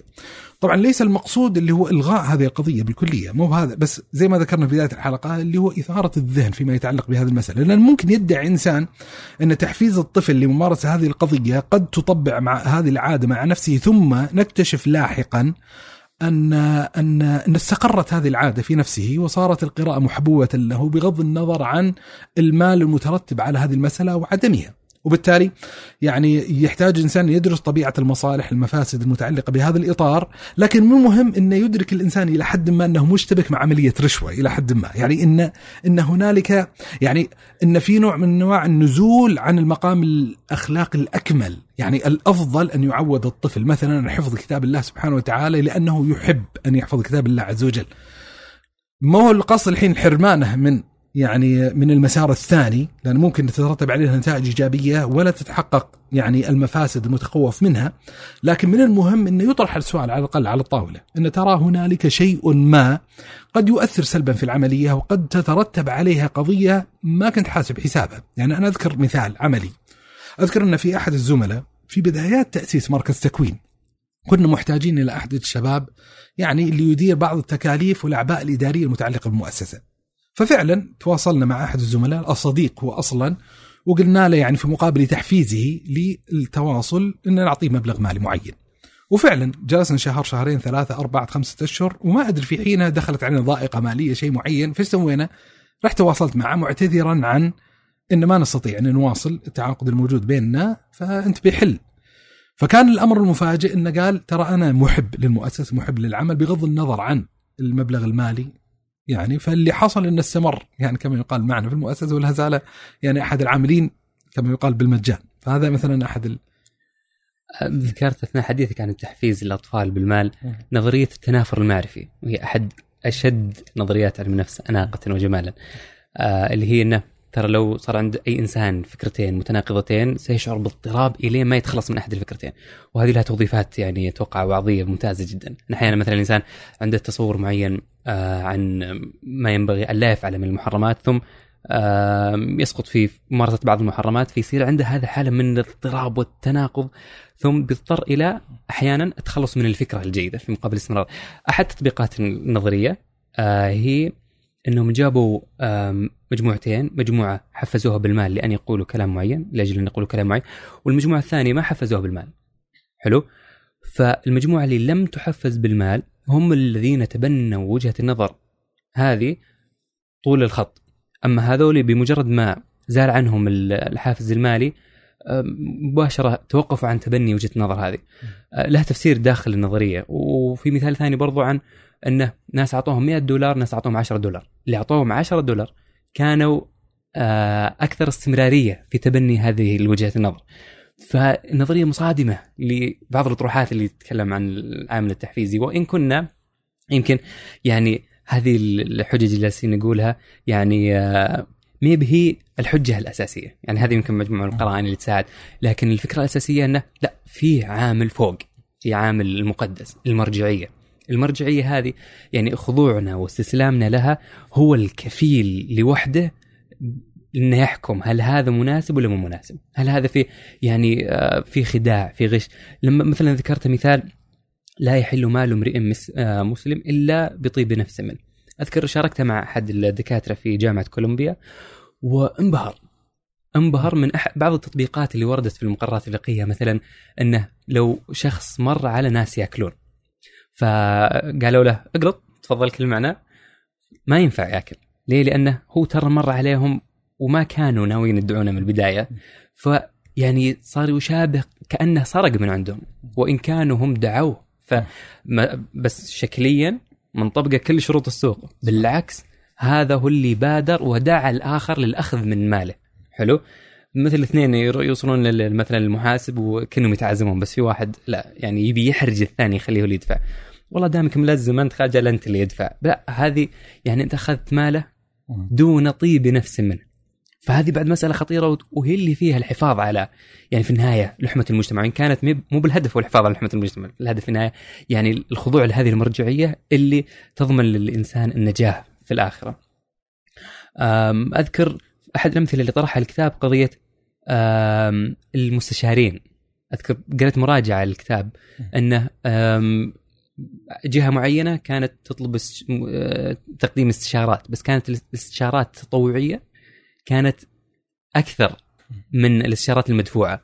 وهذه بعد تلفت الانتباه إلى تحفيز آه، العمل التطوعي بالمال. فظل له أثر عكسي ولا؟ والله في الكتاب طبعا أشار إشارة ان في دراسات متعددة متعلقة بالأثر الغير متوقع يعني يعني أحد المقاربات الاقتصادية المشكلة في التعامل مع الكائن الإنساني البشري التعامل المادي المحض مع الإنسان، يعني عندهم المعادلة كالاتي أن إنسان تحفزه بالمال فطبيعي أن النتائج تزداد يعني ما تتطلب منه. في حين يعني في دراسات متعددة موجودة يعني أشار إليها في الكتاب تدل على أن الموضوع في كثير من الأحيان يكون منعكسا ويعني على خلاف المتوقع. وذكر نماذج حقيقة طريفة يعني مثلا من النماذج الغريبة والعجيبة أن عندهم كان إشكالية في سويسرا فترة من الفترات في النفايات النووية. يعني دولة تنتج الطاقة النووية فتتخلف عندنا مخلفات معينة، طيب وين يضعون هذه المخلفات؟ فوجدوا أن أنسب موقع لها في منطقة جبلية معينة، المشكلة أن المنطقة الجبلية هذه في قرية قريبة منها. طبعا ما في يعني خلينا نقول أضرار متبدية من وضعها بس على الأقل لا يشعر الإنسان بالطمأنينة والارتياح أن هنالك مخلفات نووية موجودة. يعني آه، قريبة من داره فسووا أشبه الاستفتاء العام يعني في تلك القرية أن كأن من حقوقهم أن تسمحون أو لا تسمحون. فكان الأمر ما بيقول المفاجئ لكن النسبة أن أغلبية مش أغلبية ساحقة تقريبا 51% وافقوا. قالوا ما عندنا مانع. ماشي. الغريب أن سووا بعد ذلك استفتاء أن ترى آه، نقب يعني نطلب منكم هذه الممارسة في مقابل يعني كمحفز إن تحصلون على المبلغ المالي الفلاني سنويا. فكان الأمر المفاجئ نزل النسبة من 51% ل 25%. لما تم التواصل مع مختلف الأطراف المتعلقة بهذه القضية وسألوهم ليش يعني كان موقفك بالطريقة الفلانية فكانوا متوقعين يستطيعون يرفعون نسبة من 51 إذا حفزوا البقية فبيتحفزون. فاكتشفوا لا الأثر عكسي إن كان في البداية في شعور إن هذا نوع من أنواع الواجب الوطني وهنالك نوع من أنواع الإيثار والتضحية والبذل للمجتمع العام المجتمع السويسري الكبير. لكن الآن كأنما نشعر إن تم رشوتنا. ان ان إن ما عادت المسألة خاضعة للاعتبار الأخلاقي إلى العرض والطلب. وبالتالي لما تقول لي إن هل مستعد أن تمارس هذه القضية وتضحي بهذه التضحية في مقابل المال بقول لك لا ما أبغى. لكن كنت مستعد لها في ظل كونها عملا طوعيا أو خيريا. على سبيل المثال. مثلا مثال ثاني عجيب الحقيقة إن جابوا مجموعة طلاب وطلبوا من مجموعة الطلاب هذه إنهم يعني يجمعون مجموعة من التبرعات جيد وقسموهم إلى ثلاث مجموعات المجموعة الأولى إن تجمعون التبرعات واعطوهم طبعا أشبه الخطبة التحفيزية والتحميسية وكذا كذا وانطلقت المجموعة الأولى، المجموعة الثانية حفزت بذات التحفيز وقيل لهم بالإضافة إلى مجرد التحفيز اللفظي والمعنوي إن لكم 1% من المدخولات التبرعات اللي تكتسبونها. مع ملاحظة طبعا المدخولات ليست 1% من المدخولات، كم جبتوا مبلغ فيتم من جهة ثالثة اللي هو اعطائكم المبلغ 1% من مجموع ما تجمعونه. المجموعة الثالثة نفس الشيء حفزوها ووضعوا رقما يعطونه 10% أكثر من 1% وبعدين جاءت التبرعات من المجموعات الثلاثة وتفاعلها. فكان الأمر الصادم المجموعة رقم واحد كانت هي المجموعة رقم واحد في حجم التبرعات اللي استطاعت أن تكتسبها. في مقابل أن رقم اثنين كانت الأقل ورقم ثلاثة كانت أعلى. بما يعطي إيحاء اللي هو قضية يعني أن في فرق بين أن تشتري الخدمة هذه وما بين الإنسان يكون محفزا ذاتيا بأن يمارسها كعمل طوعي. ويدل كذلك يعني هذا المعطى أن ترى يعتمد بعدين حافزية الإنسان كذلك على طبيعة المبلغ. ولذا المجموعة الثالثة كانت أفضل حال مجموعة رقم اثنين. لكن مجموعة رقم واحد كانت أفضل من اثنين وثلاثة. مثلا عرضوا على مجموعة من المحامين على سبيل المثال أنهم يقدمون خدمات واستشارات قانونية لمجموعة من كبار السن بتخفيض الرسم بنسبة 30% فتم رفضه من أكثر المحامين. ولما طلب بعد ذلك من ذات المحامين يقدمون هذه كخدمة طوعية لأولئك كبار السن كان الأمر مفاجئ أن كلهم تقريبا وافق فأحد القضايا اللي تحتاج نوع من أنواع النظر نوع من أنواع الدراسة اللي هو قضية هذه المقاربة الاقتصادية للإنسان. هل يعني الكائن البشري الإنساني هو مجرد كائن مادي يتطلب الإشباع المادي ولا هنالك جانب يعني آخر خلقي روحاني متعلق بهذا الإنسان إن هنالك قيم بذل وعطاء وكرم وإيثار وهنالك جوعة لسد هذه القضية، ذكرت مثلا قضية إن السعادة وشراء السعادة إنه الأمر المفارق انه يستطيع الإنسان نعم أن يشتري سعادته لكن يشتريه ليس بأن يزداد من مقتنياته بقدر ما يعطي. ولذا يعني حتى ابن القيم في مدارس السالكين ذكر هذا الالتقاطه الجميله والصورة الجميلة إن أحيانا يكون الباذل أكثر سعادة من الآخذ. وأن الآخذ ليس متنبها بسكرة أخذه وفرحه عن حجم السعادة. الموجودة عند الطرف المقابل اللي أعطاه وبذله؟ وهذه حالة يعني يدركها الإنسان لو قرأ في سير وتراجم المعروفين بالسخاء والكرم مثلا في التاريخ الإسلامي. فهذه يعني هذه قضية تحتاج إلى نوع من أنواع التأمل. أحد الاحتجاجات الغريبة اللي وجدتها لأحد الاقتصاديين شو يقول؟ يقول إحنا لما نسعى للتحفيز في العمل الطوعي بالمال هو من أجل المحافظة على على هذه القيم المقدسة من الاستهلاك. يعني كأن عندنا وعاء ومخزون من قيمة الإيثار داخل الأفق المجتمعي. فنحتاج أن نحافظ على هذا الوعاء للأشياء التي تستدعيه ولا يمكن للمال أن يستجلب الخدمات اللي ما تتحقق إلا بقيمة الإيثار والكرم والبذل والعطاء مثلا. فيفلسفها بهذه الطريقة وبالتالي نريد أن نضخم من حضور المال في العمل الطوعي من أجل المحافظة على البقيه الباقيه من هذه القيم. طبعا المراقب خارج الإطار الاقتصادي يشعر بنوع من أنواع الاستغراب لهذه النظرة المادية للإنسان والنظرة لمثل هذه القيمة الأخلاقية. وأظن وأحسب ان أن مفترض أن يكون نوع من أنواع التعامل وأنا اظنه يعني حاضر في نفسي على الأقل وعي وحاضر يعني في من اشاهده وأتابعه أن مثل هذه القيم هي أشبه العضلات يعني كل ما مرنها الإنسان ودربها كل ما كان الإنسان منخرطا في العمل الطوعي يجد من نفسه نوع من أنواع الحافزية للاستمرار في هذه القضية وليست القضية معادلة يعني ليست من قبيل هذه المعادلات المادية المحضة. أن عندي ترى أنا عندي خلقني الله عز وجل بنسبة 100% إيثار. وإذا أثرت مرات واحد واثنين وثلاثة يبدأ يتناقص يتناقص إلى ما أصل إلى المعادلة الصفرية واستهلكت القيمه بالكلية بالكلية، لا اللي أظن إن مثل وجود وحضور هذه القيم داخل الاطار المجتمعي ليست بهذه الطريقة. وأن النفوس تتفاوت بطبيعة الحال. فيما يتعلق بهذه القضية وإن الشأن في هذا من جنس قول النبي صلى الله عليه وسلم إنما الحلم بالتحلم وإنما العلم بالتعلم فالإيثار يكتسب يعني ويستطاع يعني على خلاف القاعدة المادية إن إن إن الطاقة لا لا تفنى ولا تستحدث من العدم، لا مثل هذه القيم يمكن أن تستحدث في, في نفس الإنسان من من العدم فضلا إنها إنها ليست بالضرورة قابلة للاستهلاك التام. من أمثلة إفساد المال إذا دخل على بعض الأعمال التطوعيه في مركز مركز قدوة للتدريب والتنمية. آه، فيه أحد مساراته تقديم برامج تدريبية تطوعية لبعض المحتاجين. فلما تم استشارة بعض المدربين وش رأيكم لو وضع فيها مبلغ رمزي؟ فحصل إجماع إنه لا. طيب أنتم تأخذون فلوس يعني في الم... قالوا لا لا لا. يعني أنت كذا بتخرب علينا لا لا لذة إنك أعطيت ولا يعني إنك خليتنا نخلص يعني يعني صعبت موضوع الإخلاص. يعني في النهاية ممكن الواحد يخلص مع وجود المكافأة لكن صعبته لأنه أنت جالس تقول تطوع والعمل كله تطوع ثم بتعطينا فلا أنت اللي يعني المال يكفي لوحده لأن أنت معطينا في النهاية مكافأة. وهو اللي يقدم عادة في الأعمال الطوعية. ففي النهاية اثر كان يعني مو مناسب فقال خلاص وقفوا. صار يعني ما تعطي ولا ريال فزاد عدد المدربين اللي متحمسين. المساهمة في المسار هذا. يعني أظن بعد من الأشياء اللي يعني لما نتكلم عن التحفيز في العمل الطوعي بشكل عام خلينا يعني نظل داخل المشاريع الإسلامية، إن أظن إن هذه مساله تحتاج إلى إثارة وإلى نقاش اللي يتوغل رأس المال وتوغل المال داخل العمل للآخرة، العمل الدعوي يعني يعني يعني يجب أن يستحضر الإنسان حالة الأنبياء والرسل قل لا أسألكم عليه من أجر.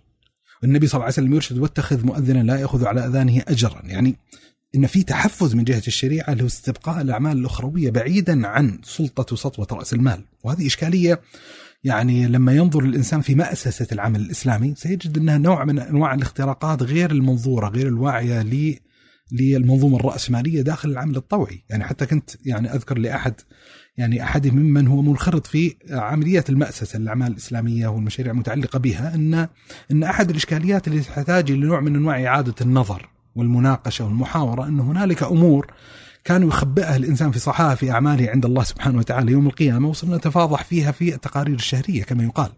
فهذه قضية يعني أظن يعني ما عندي جواب يعني حاسم فيما يتعلق بهذه المسألة لكني أزعم أنها مسألة تحتاج إلى إلى إلى النظر في المسألة هذه. وانه ينبغي علينا داخل إطار العمل يعني إيش الاشكال اللي يحصل في ذات مسألة تحفيز بالمال في العمل الطوعي. في شعور موجود عند بعض العاملين في الشأن الدعوي بأن العمل الطوعي داخل العمل الدعوي ليس ليس كافيا وليس ضمانة لإقامة المشاريع وأن ترى ما تستطيع أنك يعني تلاحق الناس فيما يتعلق بهذا الإطار وبالتالي الضمانة الوحيدة لإقامة المشاريع هو بالمال فأنا طبعا متفهم من أين يأتي بالذات في ظل السياق اللي إحنا عايشين فيه لكن من المهم كذلك اللي هو استبقاء فضاء للعمل الطوعي وعدم غلق المنافذ على من يريد أن يخدم دين الله سبحانه وتعالى طلبا لمرضاة الله سبحانه وتعالى ولا يريد أن يشوب ذلك شائبة مفترض يستبقى هذا الفضاء. وأظن يعني إن جزء من الإشكالية تحتاج من الاموال المراجعة اللي هو بعض الخيارات التي قد تضيق من هذه المسألة والأسوأ بطبيعة الحال أن يكون الإنسان محفزا بالمال لأجل الدعوة، ولذا حتى الفقهاء لهم تعبير طريف في قضية الحج. يعني أن يحج الإنسان بالنيابة عن غيره قال فرق بين من يحج ليأخذ ومن يأخذ ليحج. يأخذ ليحج يعني متفهم الإنسان قد يعجز ما عنده مبلغ مالي عنده رغبة للحج. لإسقاط فريضة الحج عن غيره فيثيبه الله عز وجل على هذه النية الحسنة المقبولة وفي الحج يعني من الدعوات ومن الأذكار ما ينتفع منه ذلك الحاج. لكن فرق الإنسان أنه يحج من أجل يأخذ من أجل يأخذ المال وهذه يعني كذلك مسألة تستدعي نوع من حج وقضيان حاجة. هذه مشكلة. ماشي ذكرت آه، باتريك هايني في كتابه إسلام السوق أظن من شهر 2005 باحث سويسري بس قدر يلقط هذه كيف إنه يعني لما توغلت قيم السوق حتى في وسط المتدينين بدأت تطلع بعض الألفاظ جديدة. زي مثلا آه، الفردانية لما طغت على شعور الناس بدأ كل واحد يحمل مشروعه الفردي. آه، بدأت تكثر يعني عادة صياغة آه، التنمية البشرية وأدبيات الإدارة الغربية. و يعني بدأت تسلع بعض المنتجات. فالمنتجات اللي ما تمشي في السوق خلاص وقف. طيب هذا المنتج هو عبارة عن شعيرة ترى قبل بس لا هو مو بجالس يمشي في السوق. بدا يصير فيه يعني علامات الماركات على على الحجاب على كذا. يعني النشيد بدا يتغير صياغته بحيث يكون النشيد الأنسب إنه يمشي والناس يشترونه. وليس النشيد اللي مثلا قائم على مجموعة قيم معينة المقدسه هي اللي آه، خلينا نقول تدفع هذا العمل الفني. وهذه بالمناسبه لقطة برضو يعني آه، غريبة. اللي العمل الفني اللي هو المفروض إنه يكون نابع من صميم التجربة الذاتية للإنسان. برضو اشتريت لما يجي الروائي مثلا آه، وتدفع لشركة مجوهرات انه يكتب رواية علشان يعني يلمع شركة مجوهرات. لما آه، يعني كل أنواع الأعمال الفنية تباع فهنا يعني سلع الإنسان حتى في مشاعر إلى الآخرين. يعني خلينا نقول استمرار الحديث عن قضية أنه لا ظاهرة قديمة يعني يتكلمون عن النائحة المستأجرة يعني موجودة. يعني حتى هذه المشاعر النفسية الإنسانية في حال الحزن والكآبة يمكن أن يشترى المال. فموضوع متمدد السوق من قديم. أحيانا عشان تحفز بعض التشريعات تبي تحفز بعض الشركات بالمال تيجي تفرض رسوم. فتقول يا شركة الفلانية ترى في رسوم على مثلا إنك مثلا يكون انبعاثات الكربون أكثر من الشيء الفلاني. ف حلو تجي هذه الشركات حلو وتدفع هذه الرسوم بيطيب خاطر وبغض النظر عن ما الذي يحدث في النهاية وأظن هذه لها آثار سلبية على مستوى يعني الشعور بالذنب لأنه لا تدفع فلوس وتلوث أم الكوكب والعالم يحترقون في استراليا بسبة يعني ثقب الأوزان. يعني هو يعني أحد الأشياء الطريفة اللي هو المفارقة المتعلقة بين عالم الغرامه وعالم الرسوم. وهي فكرة طرحها في الكتاب صراحة وجميلة وجاذبة اللي هو طبيعة العلاقة الموجودة بين الطرفين وطبيعة الفروقات القائمة بينهما والإشكاليات من تحويل فكرة الغرامة إلى أن يكون رسما. يعني إما بقوة النظام أو أو بالخيارة الذاتية بعيدا عن سلطة النظام. يعني خذ مثال مثلا إنسان مثلا عنده مكتب يشتغل فيه على سبيل المثال وفي مواقف للمعاقين قريب من مكتبه. فتجد الإنسان إذا عنده نوع من أنواع السيولة المالية بيقول لك أنا ما عندي مانع إني أدفع الغرامة المترتبة على الوقوف في موقف المعاقين وسيتعامل يعني بذاته باعتباره رسما لإيقاف سيارته مثلا. فتلاحظ مثلا إن هذا جزء من الإشكالية. إنسان مثلا ثري معين فما يكون عنده كبير إشكال فيما يتعلق بقضية مثلا تجاوز السرعه القانونية في قضية السير.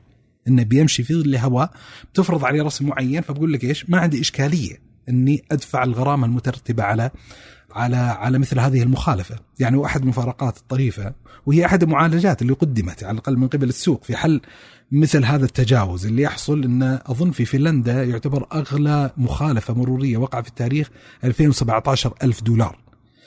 والسبب إن إن فرضوا غرامة متناسبة مع مدخول الإنسان السنوي بحيث لا يستسهل الموضوع يصير يعني في نوع من أنواع التناسب الموجود بحيث يعالج القضية بحيث إنه ما يعني نوع من أنواع إغلاق الباب على الإنسان أن يحول قضية الغرامة إلى قضية إيش؟ إلى قضية رسم. مثلا من الأشياء الطريفة مترو فرنسا. مترو فرنسا مثلا عشان تركب المترو تحتاج تدفع 2 دولار مثلا رسم معين. المشكلة إذا تم اصطيادك وأنت ما دفعت المبلغ المستحق وأنت موجود في المترو تدفع غرامة مقدارها 60 دولار. جيد؟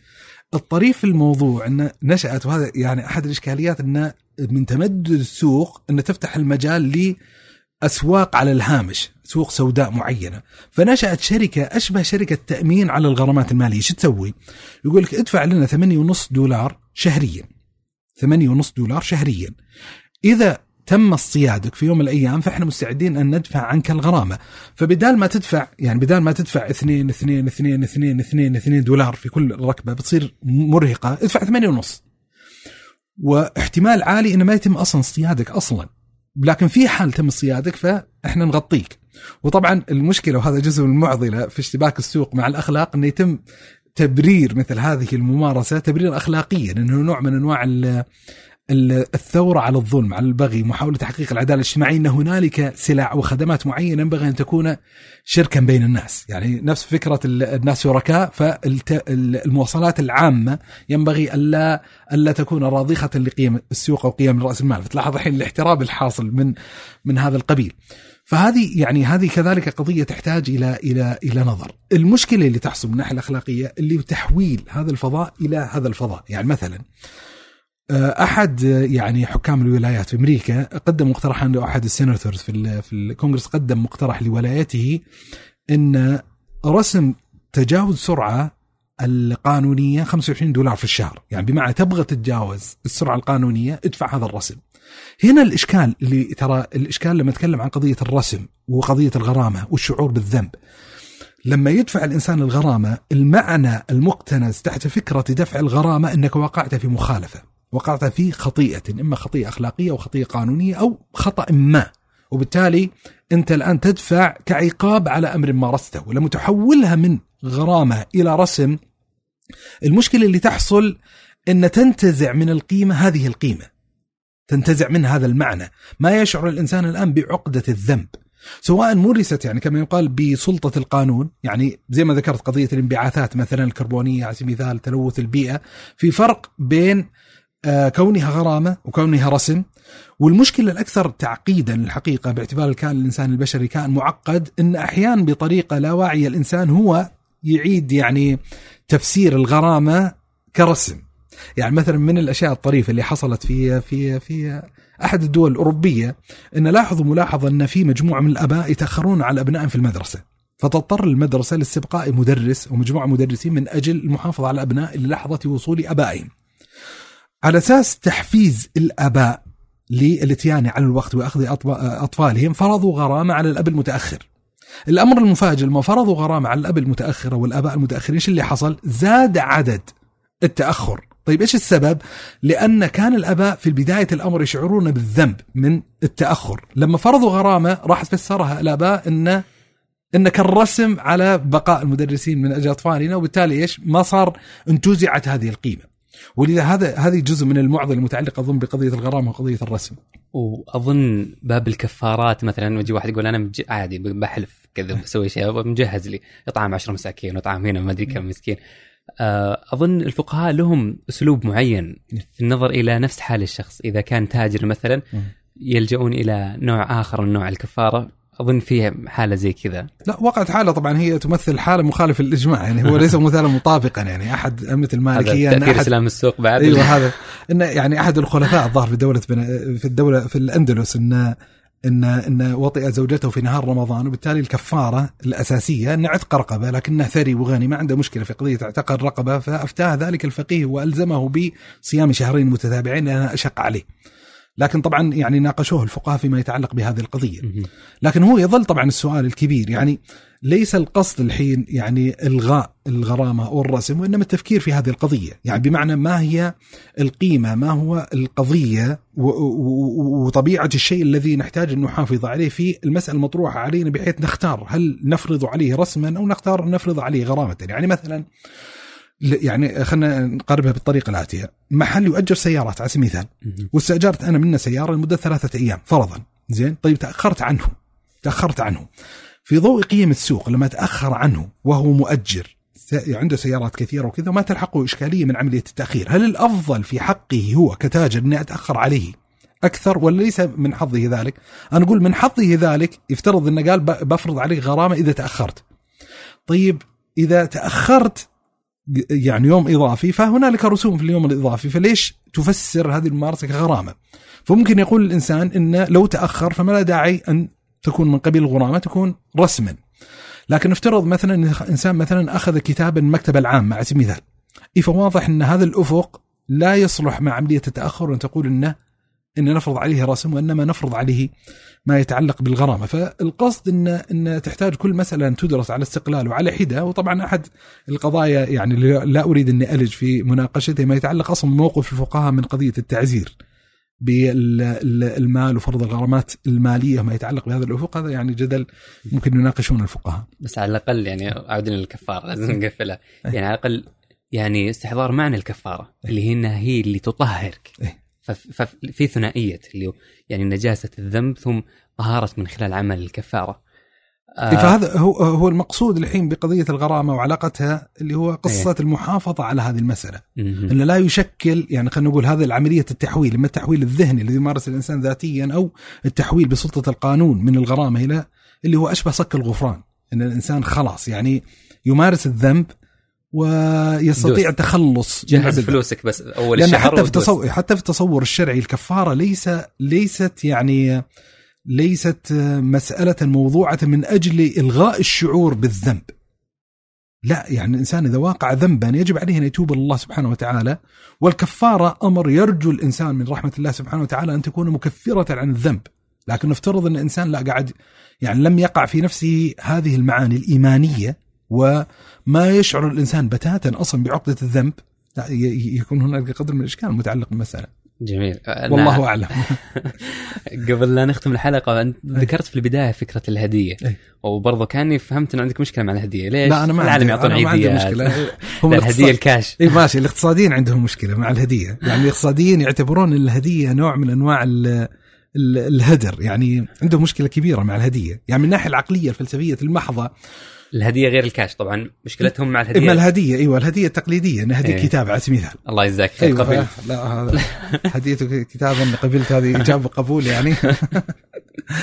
فهو الفكرة اللي يطرحونها اللي هو قضية يسر راسك بطلع الحين قدام الكاميرا مش يعني طيب ال- ال- المقصود يقول افترض إنه بيهديك هذا الكتاب وات ماني كانت باي عندك كتاب ولا ما عندك كتاب؟ قول عندي الكتاب. أيوه عندي الكتاب فلما أعطيتك الكتاب إيش اللي حصل واقعيا؟ اللي حصل انه صارت عندك نسختين من الكتاب. فتورطت بالنسخة الثانية. في حين لو أعطيت قيمة الكتاب كوبون تص- كوبون من مكتبة مثلا. مو بش... ما نتكلم كوبون لو أعطيتك مال إيه. فيقول لك إن مثلا المال قاعد يوفي الاحتياج الموجود عندك بنسبة 100% تقدر تستفيده 100% لما أهديك أي هدية ترى متفاوت من 100% إلى 0% لاحظت؟ فهم يتكلمون إن عندهم مشكلة مع هذه القضية. يعني عندهم مشكلة ما يتعلق مع هذه القضية. طبعا وبالتالي ال- ال- التفسير الاقتصادي لفكرة الهدية أو الخيار الاقتصادي الأمثل لفكرة الهدية اللي هو عدم شراء هدية يعني حسية مادية منتج سلعه معينة والاكتفاء بإعطاء المال. ولذا أحد الكتب يعني الطريفة وعنوانها طريف اسمه Scroogenomics Scroogenomics Scrooge معناها بخل فهي يعني تقدر تفسرها اقتصاديات البخل. العنوان الفرعي الكتاب يعني why you shouldn't buy gifts for the holidays يعني ليش ينبغي عليك ألا تشتري الهدايا للأعياد؟ ويفلسف هذه المسألة في ضوء الروح اللي يتكلم عنها. طبعا إيش الإشكال أو الحين مشكلتي مع هذه الفكرة؟ المشكلة الأساسية مع هذه الفكرة أن هنالك قيمة مختزنة في الهدية لا تتحقق بمجرد إعطاء المال.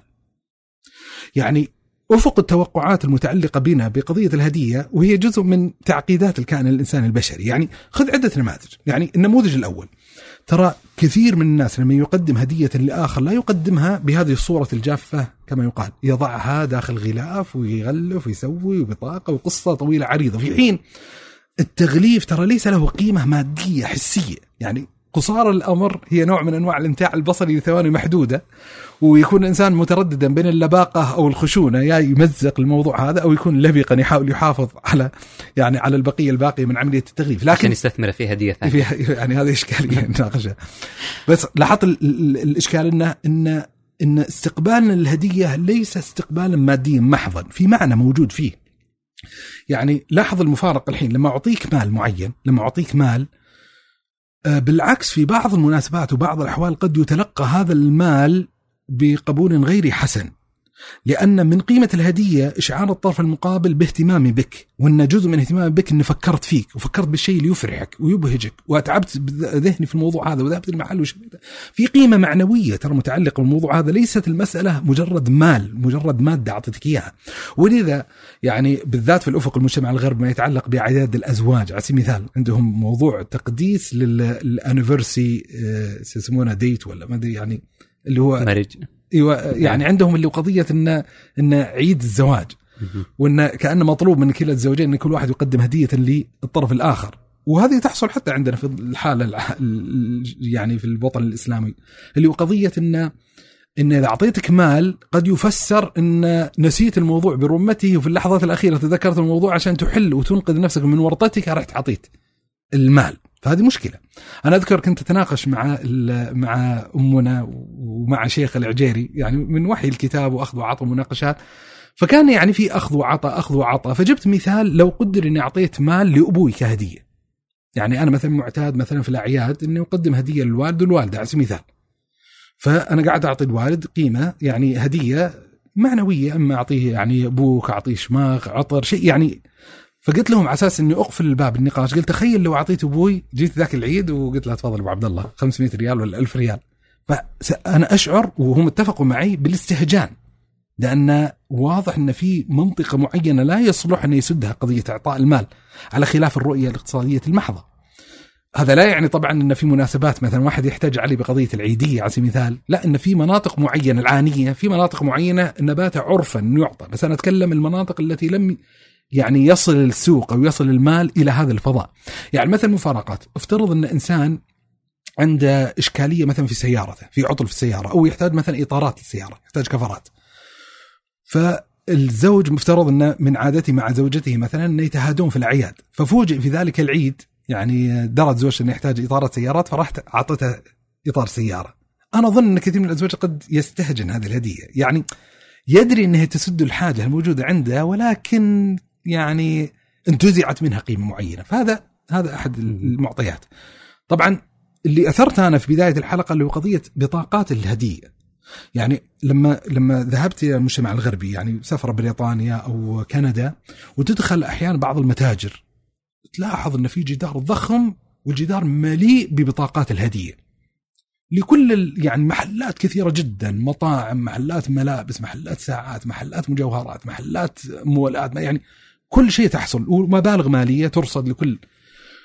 أنا أزعم طبعا إن ما وصلت المسألة بهذا الحجم عندنا لكن بوادرها واضحة من سنوات موجودة. يعني عندنا ابتدأت بكوبونات الشراء ثم بدأت تتطور الموضوع هذا إلى البطاقات إن في بطاقة جيفت كارد فنفس المسألة هذه اقتصاديين يقول لك هذه خطوة بالاتجاه الصحيح. صحيح أنها ما هي مطابقة تمام مطابق لقضية المال.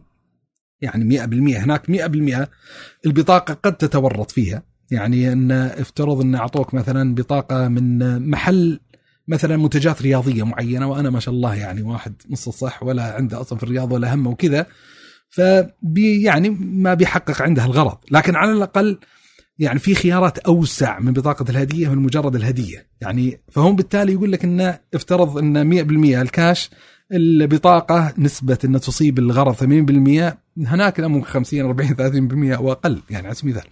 ولذا حتى من الأشياء الطريفة نؤكد عليها لو نشأت السوق السوداء على هامش الإشكاليات المتعلقة ببطاقه الهدية.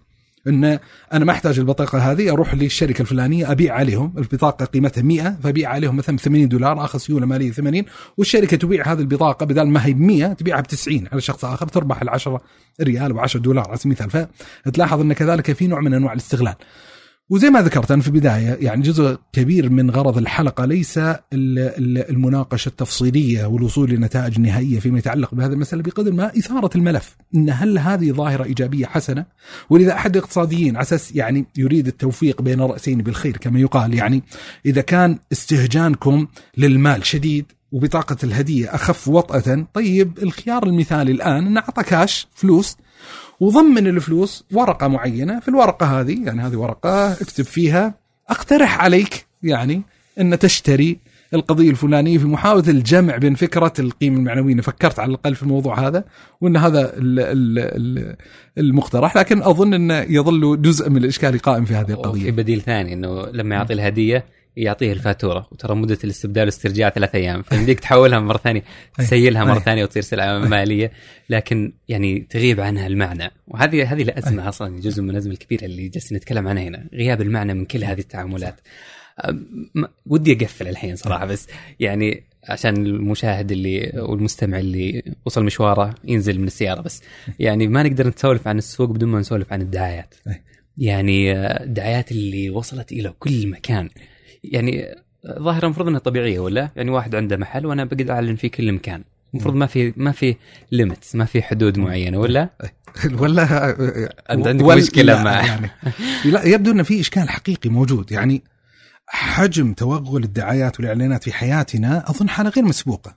يعني خلال السنوات القريبة القليلة الماضية. يعني إن ذكرت مثال مثلا ومر علي في الكتاب اللي هو قضية إن أحد الشركات المجوهرات إن يعني حاولت ان تستثمر روائيا من أجل أن يمرر المنتجات المتعلقة به داخل عمله الروائي. وذكرها عشرات المرات بحيث إن أثار ضجة وزوبعه داخل المجتمع الروائي انه يعني إن مثل هذه الممارسة اعتبرت ممارسة غير أخلاقية وتشكك في نزاهة السوق الروائي وسوق السرد إنه واقع تحت ضغط المال. أه لما تتكلم على سبيل المثال سوق الأفلام مسلسلات على سبيل المثال لما تتكلم عن الافلام ترى لما يفتح الحين الممثل مثلا لابتوب معين ويطلع لك شعار أبل ولا أي شعار توشيبا ولا شيء ترى هذا ليس عفويا اعتباطيا. أقرب لابتوب كان موجود عندهم مفتوح لا انك تكتشف إن ترى حجم المنتجات اللي يتم الترويج لها بطريقة مستبطنة داخل مثل هذه الأفلام والمسلسلات ترى كبير جدا. زي ترويجنا إحنا للتكوين ترى ذكي يعني. أيوه زي تدي أشياء. لا إحنا خفافي ولا تعصب. مثلا يطلع لك YouTuber معين ويشيل لك mug ولا يشيل لك هذا ومحطوط عليه Java Time ما أدري يعني. يصير لك يصير لك منتج معين ف اي فهذا دعاية. هذا دعاية تدل على توغل. عندك الحين تطبيقات المتعلقة بالجوالات على سبيل المثال. الحين تطبيقات وتلاحظ هذه الظاهرة موجودة. تبغى التطبيق بإعلان أو بدون إعلان ادفع. على سبيل المثال ال Kindle أنا أذكر مثلا النسخة اللي عندي من ال Kindle اللي Kindle Kindle Voyage. Kindle Voyage. أول ما جاني لاحظت ملاحظة إن كل ما طفيت الجهاز يصير على الشاشة إعلان عن كتاب معين أو شيء معين وكذا. مع القراءة في الموضوع اكتشفت إيش؟ إن هل تريد أن تزيل هذه الإعلانات ادفع مبلغ معين؟ وفعلا يعني تحت ضغط ال ال الامتعاض من هذا الترويج الإعلاني دفعت المبلغ. الحين اليوتيوب على سبيل المثال اليوتيوب تبي تتخلص من الدعايات وطبعا مشكلتنا مع اليوتيوب ان بعض الدعايات يعني فيها إشكاليات على المستوى الاخلاق على المستوى التدين في مشكلة معينة وبالتالي يشتري الإنسان راحته. يعني إما يشتري جزءا من عمره ان ما يستغرق في الانتظار ثلاث ثواني ثم تجاوز الإعلان أو يشتري يعني عفته والبقية الباقية من غضه البصر يعني بالتجاوز. فيدفع القضية هذه. فتلاحظ إنه متوغل المسألة. الأكثر ازعاجا واللي هي الحين الارتباكات غير الإنسانية فيما يتعلق بهذه المسألة عندك بيتك نقدر نستثمره في قضية الدعاية والإعلان، عندك سيارة نقدر نغلف هذه السيارة. يعني كدعاية وإعلان تحصل هذه عالميا بل الأسوأ منها اللي هو الجسد والبدن. الإنسان وذكرت مثال يمكن صارخ ومتطرف في البداية أن امرأة تؤجر جبهتها أو تبيع جبهتها من أجل أن يوضع عليه يعني قضية إعلانية معينة. فأزعم أن هذا الحضور الكثيف والشديد لسوق الإعلان. يعني في حياتنا يحتاج إلى نوع من انواع المراجعه ونحتاج أن يعني أن تفرغ بعض المساحات في حياتنا من هذه القضية. يعني في المجتمع الغربي يتحدثون أن قضية السجن على سبيل المثال قضية المدارس إن باتت يعني سوقا لقضية الإعلان. أحد المدراء التنفيذيين لأحد الشركات الإعلانية الكبرى في العالم يعني يتحدث لاحظ وهو ابن الحالة يقول لك ما عدت أظن أن هنالك شيء مقدس. كل شيء ما عاد مقدسا وإحنا لاحظ ما قاعدين نتكلم عن القيم المنتظمة تحت السوق الإعلانية. يعني ما نتكلم الحين عن الانتهاك حق الطفولة في قضية الإعلان أو انتهاك المرأة في قضية الإعلان. على سبيل المثال ما نتكلم عن الإعلان في شبكات التواصل الاجتماعي بحيث إن ما أدري هل هل بات تشريعا في اليوتيوب أو لسه اللي قضية انه إذا كنت تروج سلعة إعلانية مدفوعة الثمن فيجب عليك أن تبلغ بهذه القضية. وتجد هذه حاضرة مثلا في القنوات التقنية الموجودة في الأفق الغربي لما يتم دفع مثلا إهداءه يعني إهداءه منتج معين من أحد الشركات من أجل الترويج. ترى هذا الإهداء ليس عملية بريئة. يعني على غرار يعني قول حديث ابن لتبية زين؟ لما يعني دفع النبي صلى الله عليه وسلم ليستجب يعني أمواله ويجبي زكوات معينة فلما قدم على النبي صلى الله عليه وسلم أعطاه مالا فقال هذا ما دفع لكم وهذا دفع إلي. فالنبي صلى الله عليه وسلم غضب من ذلك الممارسة وخطب في المسلمين قال يا ما بل الرجل استعمله في العمل فيقول هذا لكم وهذا دفع إلي ألا جلس في بيت امه فينظر. يعني أيدفع عليه أم لا يعني. فهذه يعني مسألة تحتاج يعني إلى مراجعة وأنا ذكرنا يمكن يعني إشارة مثلا لصيانة المساجد من هذه القضية. يعني تخيل بشاعة المنظر لما تستغل الشاشات الموجودة في بعض المساجد يعني بديلا عن وجود بعض الآيات القرآنية الأحاديث النبوية فتاوى معينة أن تكون يعني سوقا مروجة لقضية الدعاية. فهذه مسألة تحتاج إلى من أنواع المراجعة. والدعوة الحقيقة إلى نوع من ألوان الالتزام في هذه المسألة. يعني ليس الغرض اللي هو تحريم ما يتعلق بالدعاية والإعلان لكن ضروري إثارة الملف هذا ضروري أن أن أن أن نستبقي شيئا من إنسانية الإنسان وأن الحالة يعني ما أدري أنا انتبه عندي الحالة صارت سيئة جدا يعني. اللقطات اللي عرضتها لقطات فعلا مثيرة للقلق. يعني الطفل يدخل المدرسة عشان يتعلم ثم يفاجأ أنه يروح من وقتها نص ساعة مثلا علشان يشوف في الشاشة إعلانات. يعني إذا كان يعني توغلها إلى داخل يعني أصفى لحظات العمل التربوي والعمل التعليمي وصياغة ذهن الطفل تجاه العالم من خلال هذه الإعلانات ف يعني شكرا على إثارة القلق عندنا. لا بالعكس يعني أحد اللي أحد الشركات التسويقية اللي اكتسبت حق الإعلان داخل المدارس في أمريكا كان يتحدث المدير التنفيذي لهذه المؤسسة والشركة بابتهاج إن عندنا طالب، هذا الطالب ليس ممكنا أن ينظر في جهاز يعني جوالي أو يشغل هنا أو يشغل هناك زين انه عنده شاشات معينة هو مضطر اضطرارا في ضوء قيم المدرسة أن يتابع الإعلانات القائمة الموجودة ما عنده خيارات بديلة أخرى. فيعني إيش الجمهور الأفضل من مثل هذا الجمهور؟ فهذا مثلا أفق موجود. طيب فيحتاج الإنسان يفكر بجدية إن ما هي الفضاءات؟ واضح عندنا مثلا في الأصول الشرعية أن المساجد يعني هي لم تبنى لهذا هذا واضح. طيب هل هنالك مجالات أخرى؟ هل في مناطق معينة نحتاج نحجم؟ طيب إيش حضور الدعايه والإعلام فيما يتعلق بالدعوة إلى الله سبحانه وتعالى؟ آه، أنت تدرك وهذه يعني أحد السؤالات اللي تفرض أن أحيانا مثلا عندك مشروع دعوي معين عندك مشروع دعوي معين عندك عمل طوعي معين عندك عمل خيري معين أحيانا ما يصرف في الدعاية والإعلان اكبر بكثير جدا من المبلغ المصروف في خدمة الفقراء والمساكين. مثلا هذه مسألة تحتاج إلى مراجعة. يعني أحد المفارقات الغريبة الفيلم المشهور اللي خرج خلال العام الماضي اللي فيلم ذا جوكر من الأشياء الغريبة اللي اكتشفتها عن الفيلم هذا إن المبالغ المالية اللي رصدت من أجل الدعاية والتسويق للفيلم أكبر بكثير جدا من القيمة الفعلية اللي أنتج من خلال الفيلم فهذا يعني يعيد يعني المسألة اللي هو يعني إلى إلى قضية أهمية الدعايه والتسويق وعظيم أثرها لكن نحن لسنا محكومين فقط بقيمة السوق وإنما نحن محكومين بقيم أخرى متجاوزة. وأرى أن هذه خاتمة ممتازة للحلقة أنا بضيف إضافة أخيرة بعد إنك. مثل ما انه يعني خطاب الأرقام والحسابات المادية اللي جالسة تغزو كل مكان تغزو بيوتنا غرف نومنا عقولنا آه، فصول أطفالنا يعني إحنا نقدر من الجهة الثانية يعني نضيف بعض الأبعاد الإيمانية مثل هذه المساحات. إذا كان السوق هو السوق نفسه يعني خلينا نقول بؤرة انطلاق هذه خلينا نقول إيش؟ الفيروس. يعني في التوجيه الرباني نهاية سورة الجمعة انه إذا قضيت الصلاة يعني تنتشر في الأرض وتبتغي من فضل الله واذكروا الله. يعني تخيل منظره وهو جالس يمشي في ممرات السوق ويذكر الله عز وجل. يعني هنا إحنا جالسين أو بالاضافه إلى ذكر دخول السوق يعني هنا جالس حتى السوق وهو السوق اللي هو بؤرة هذه يعني الانطلاقة يعني المفروض انه يعني نطامنه بذكر الله ويصير فيه معايير أخرى مستحضرة فيه يعني قلب معمور يعني بذكر الله أثناء عملية البيع والشراء. ولعل إن شاء الله هذه الروح كمان تطغى على كل باقي مساحات المجتمع. يعطيك العافية أبو الله صالح. يسلمك. ودنا ما نقفل عشر ساعات بس. الله يخليك الله يسلمك. آه نراك إن شاء الله الحلقة القادمة. بإذن الله عز وجل. جزاك الله خير.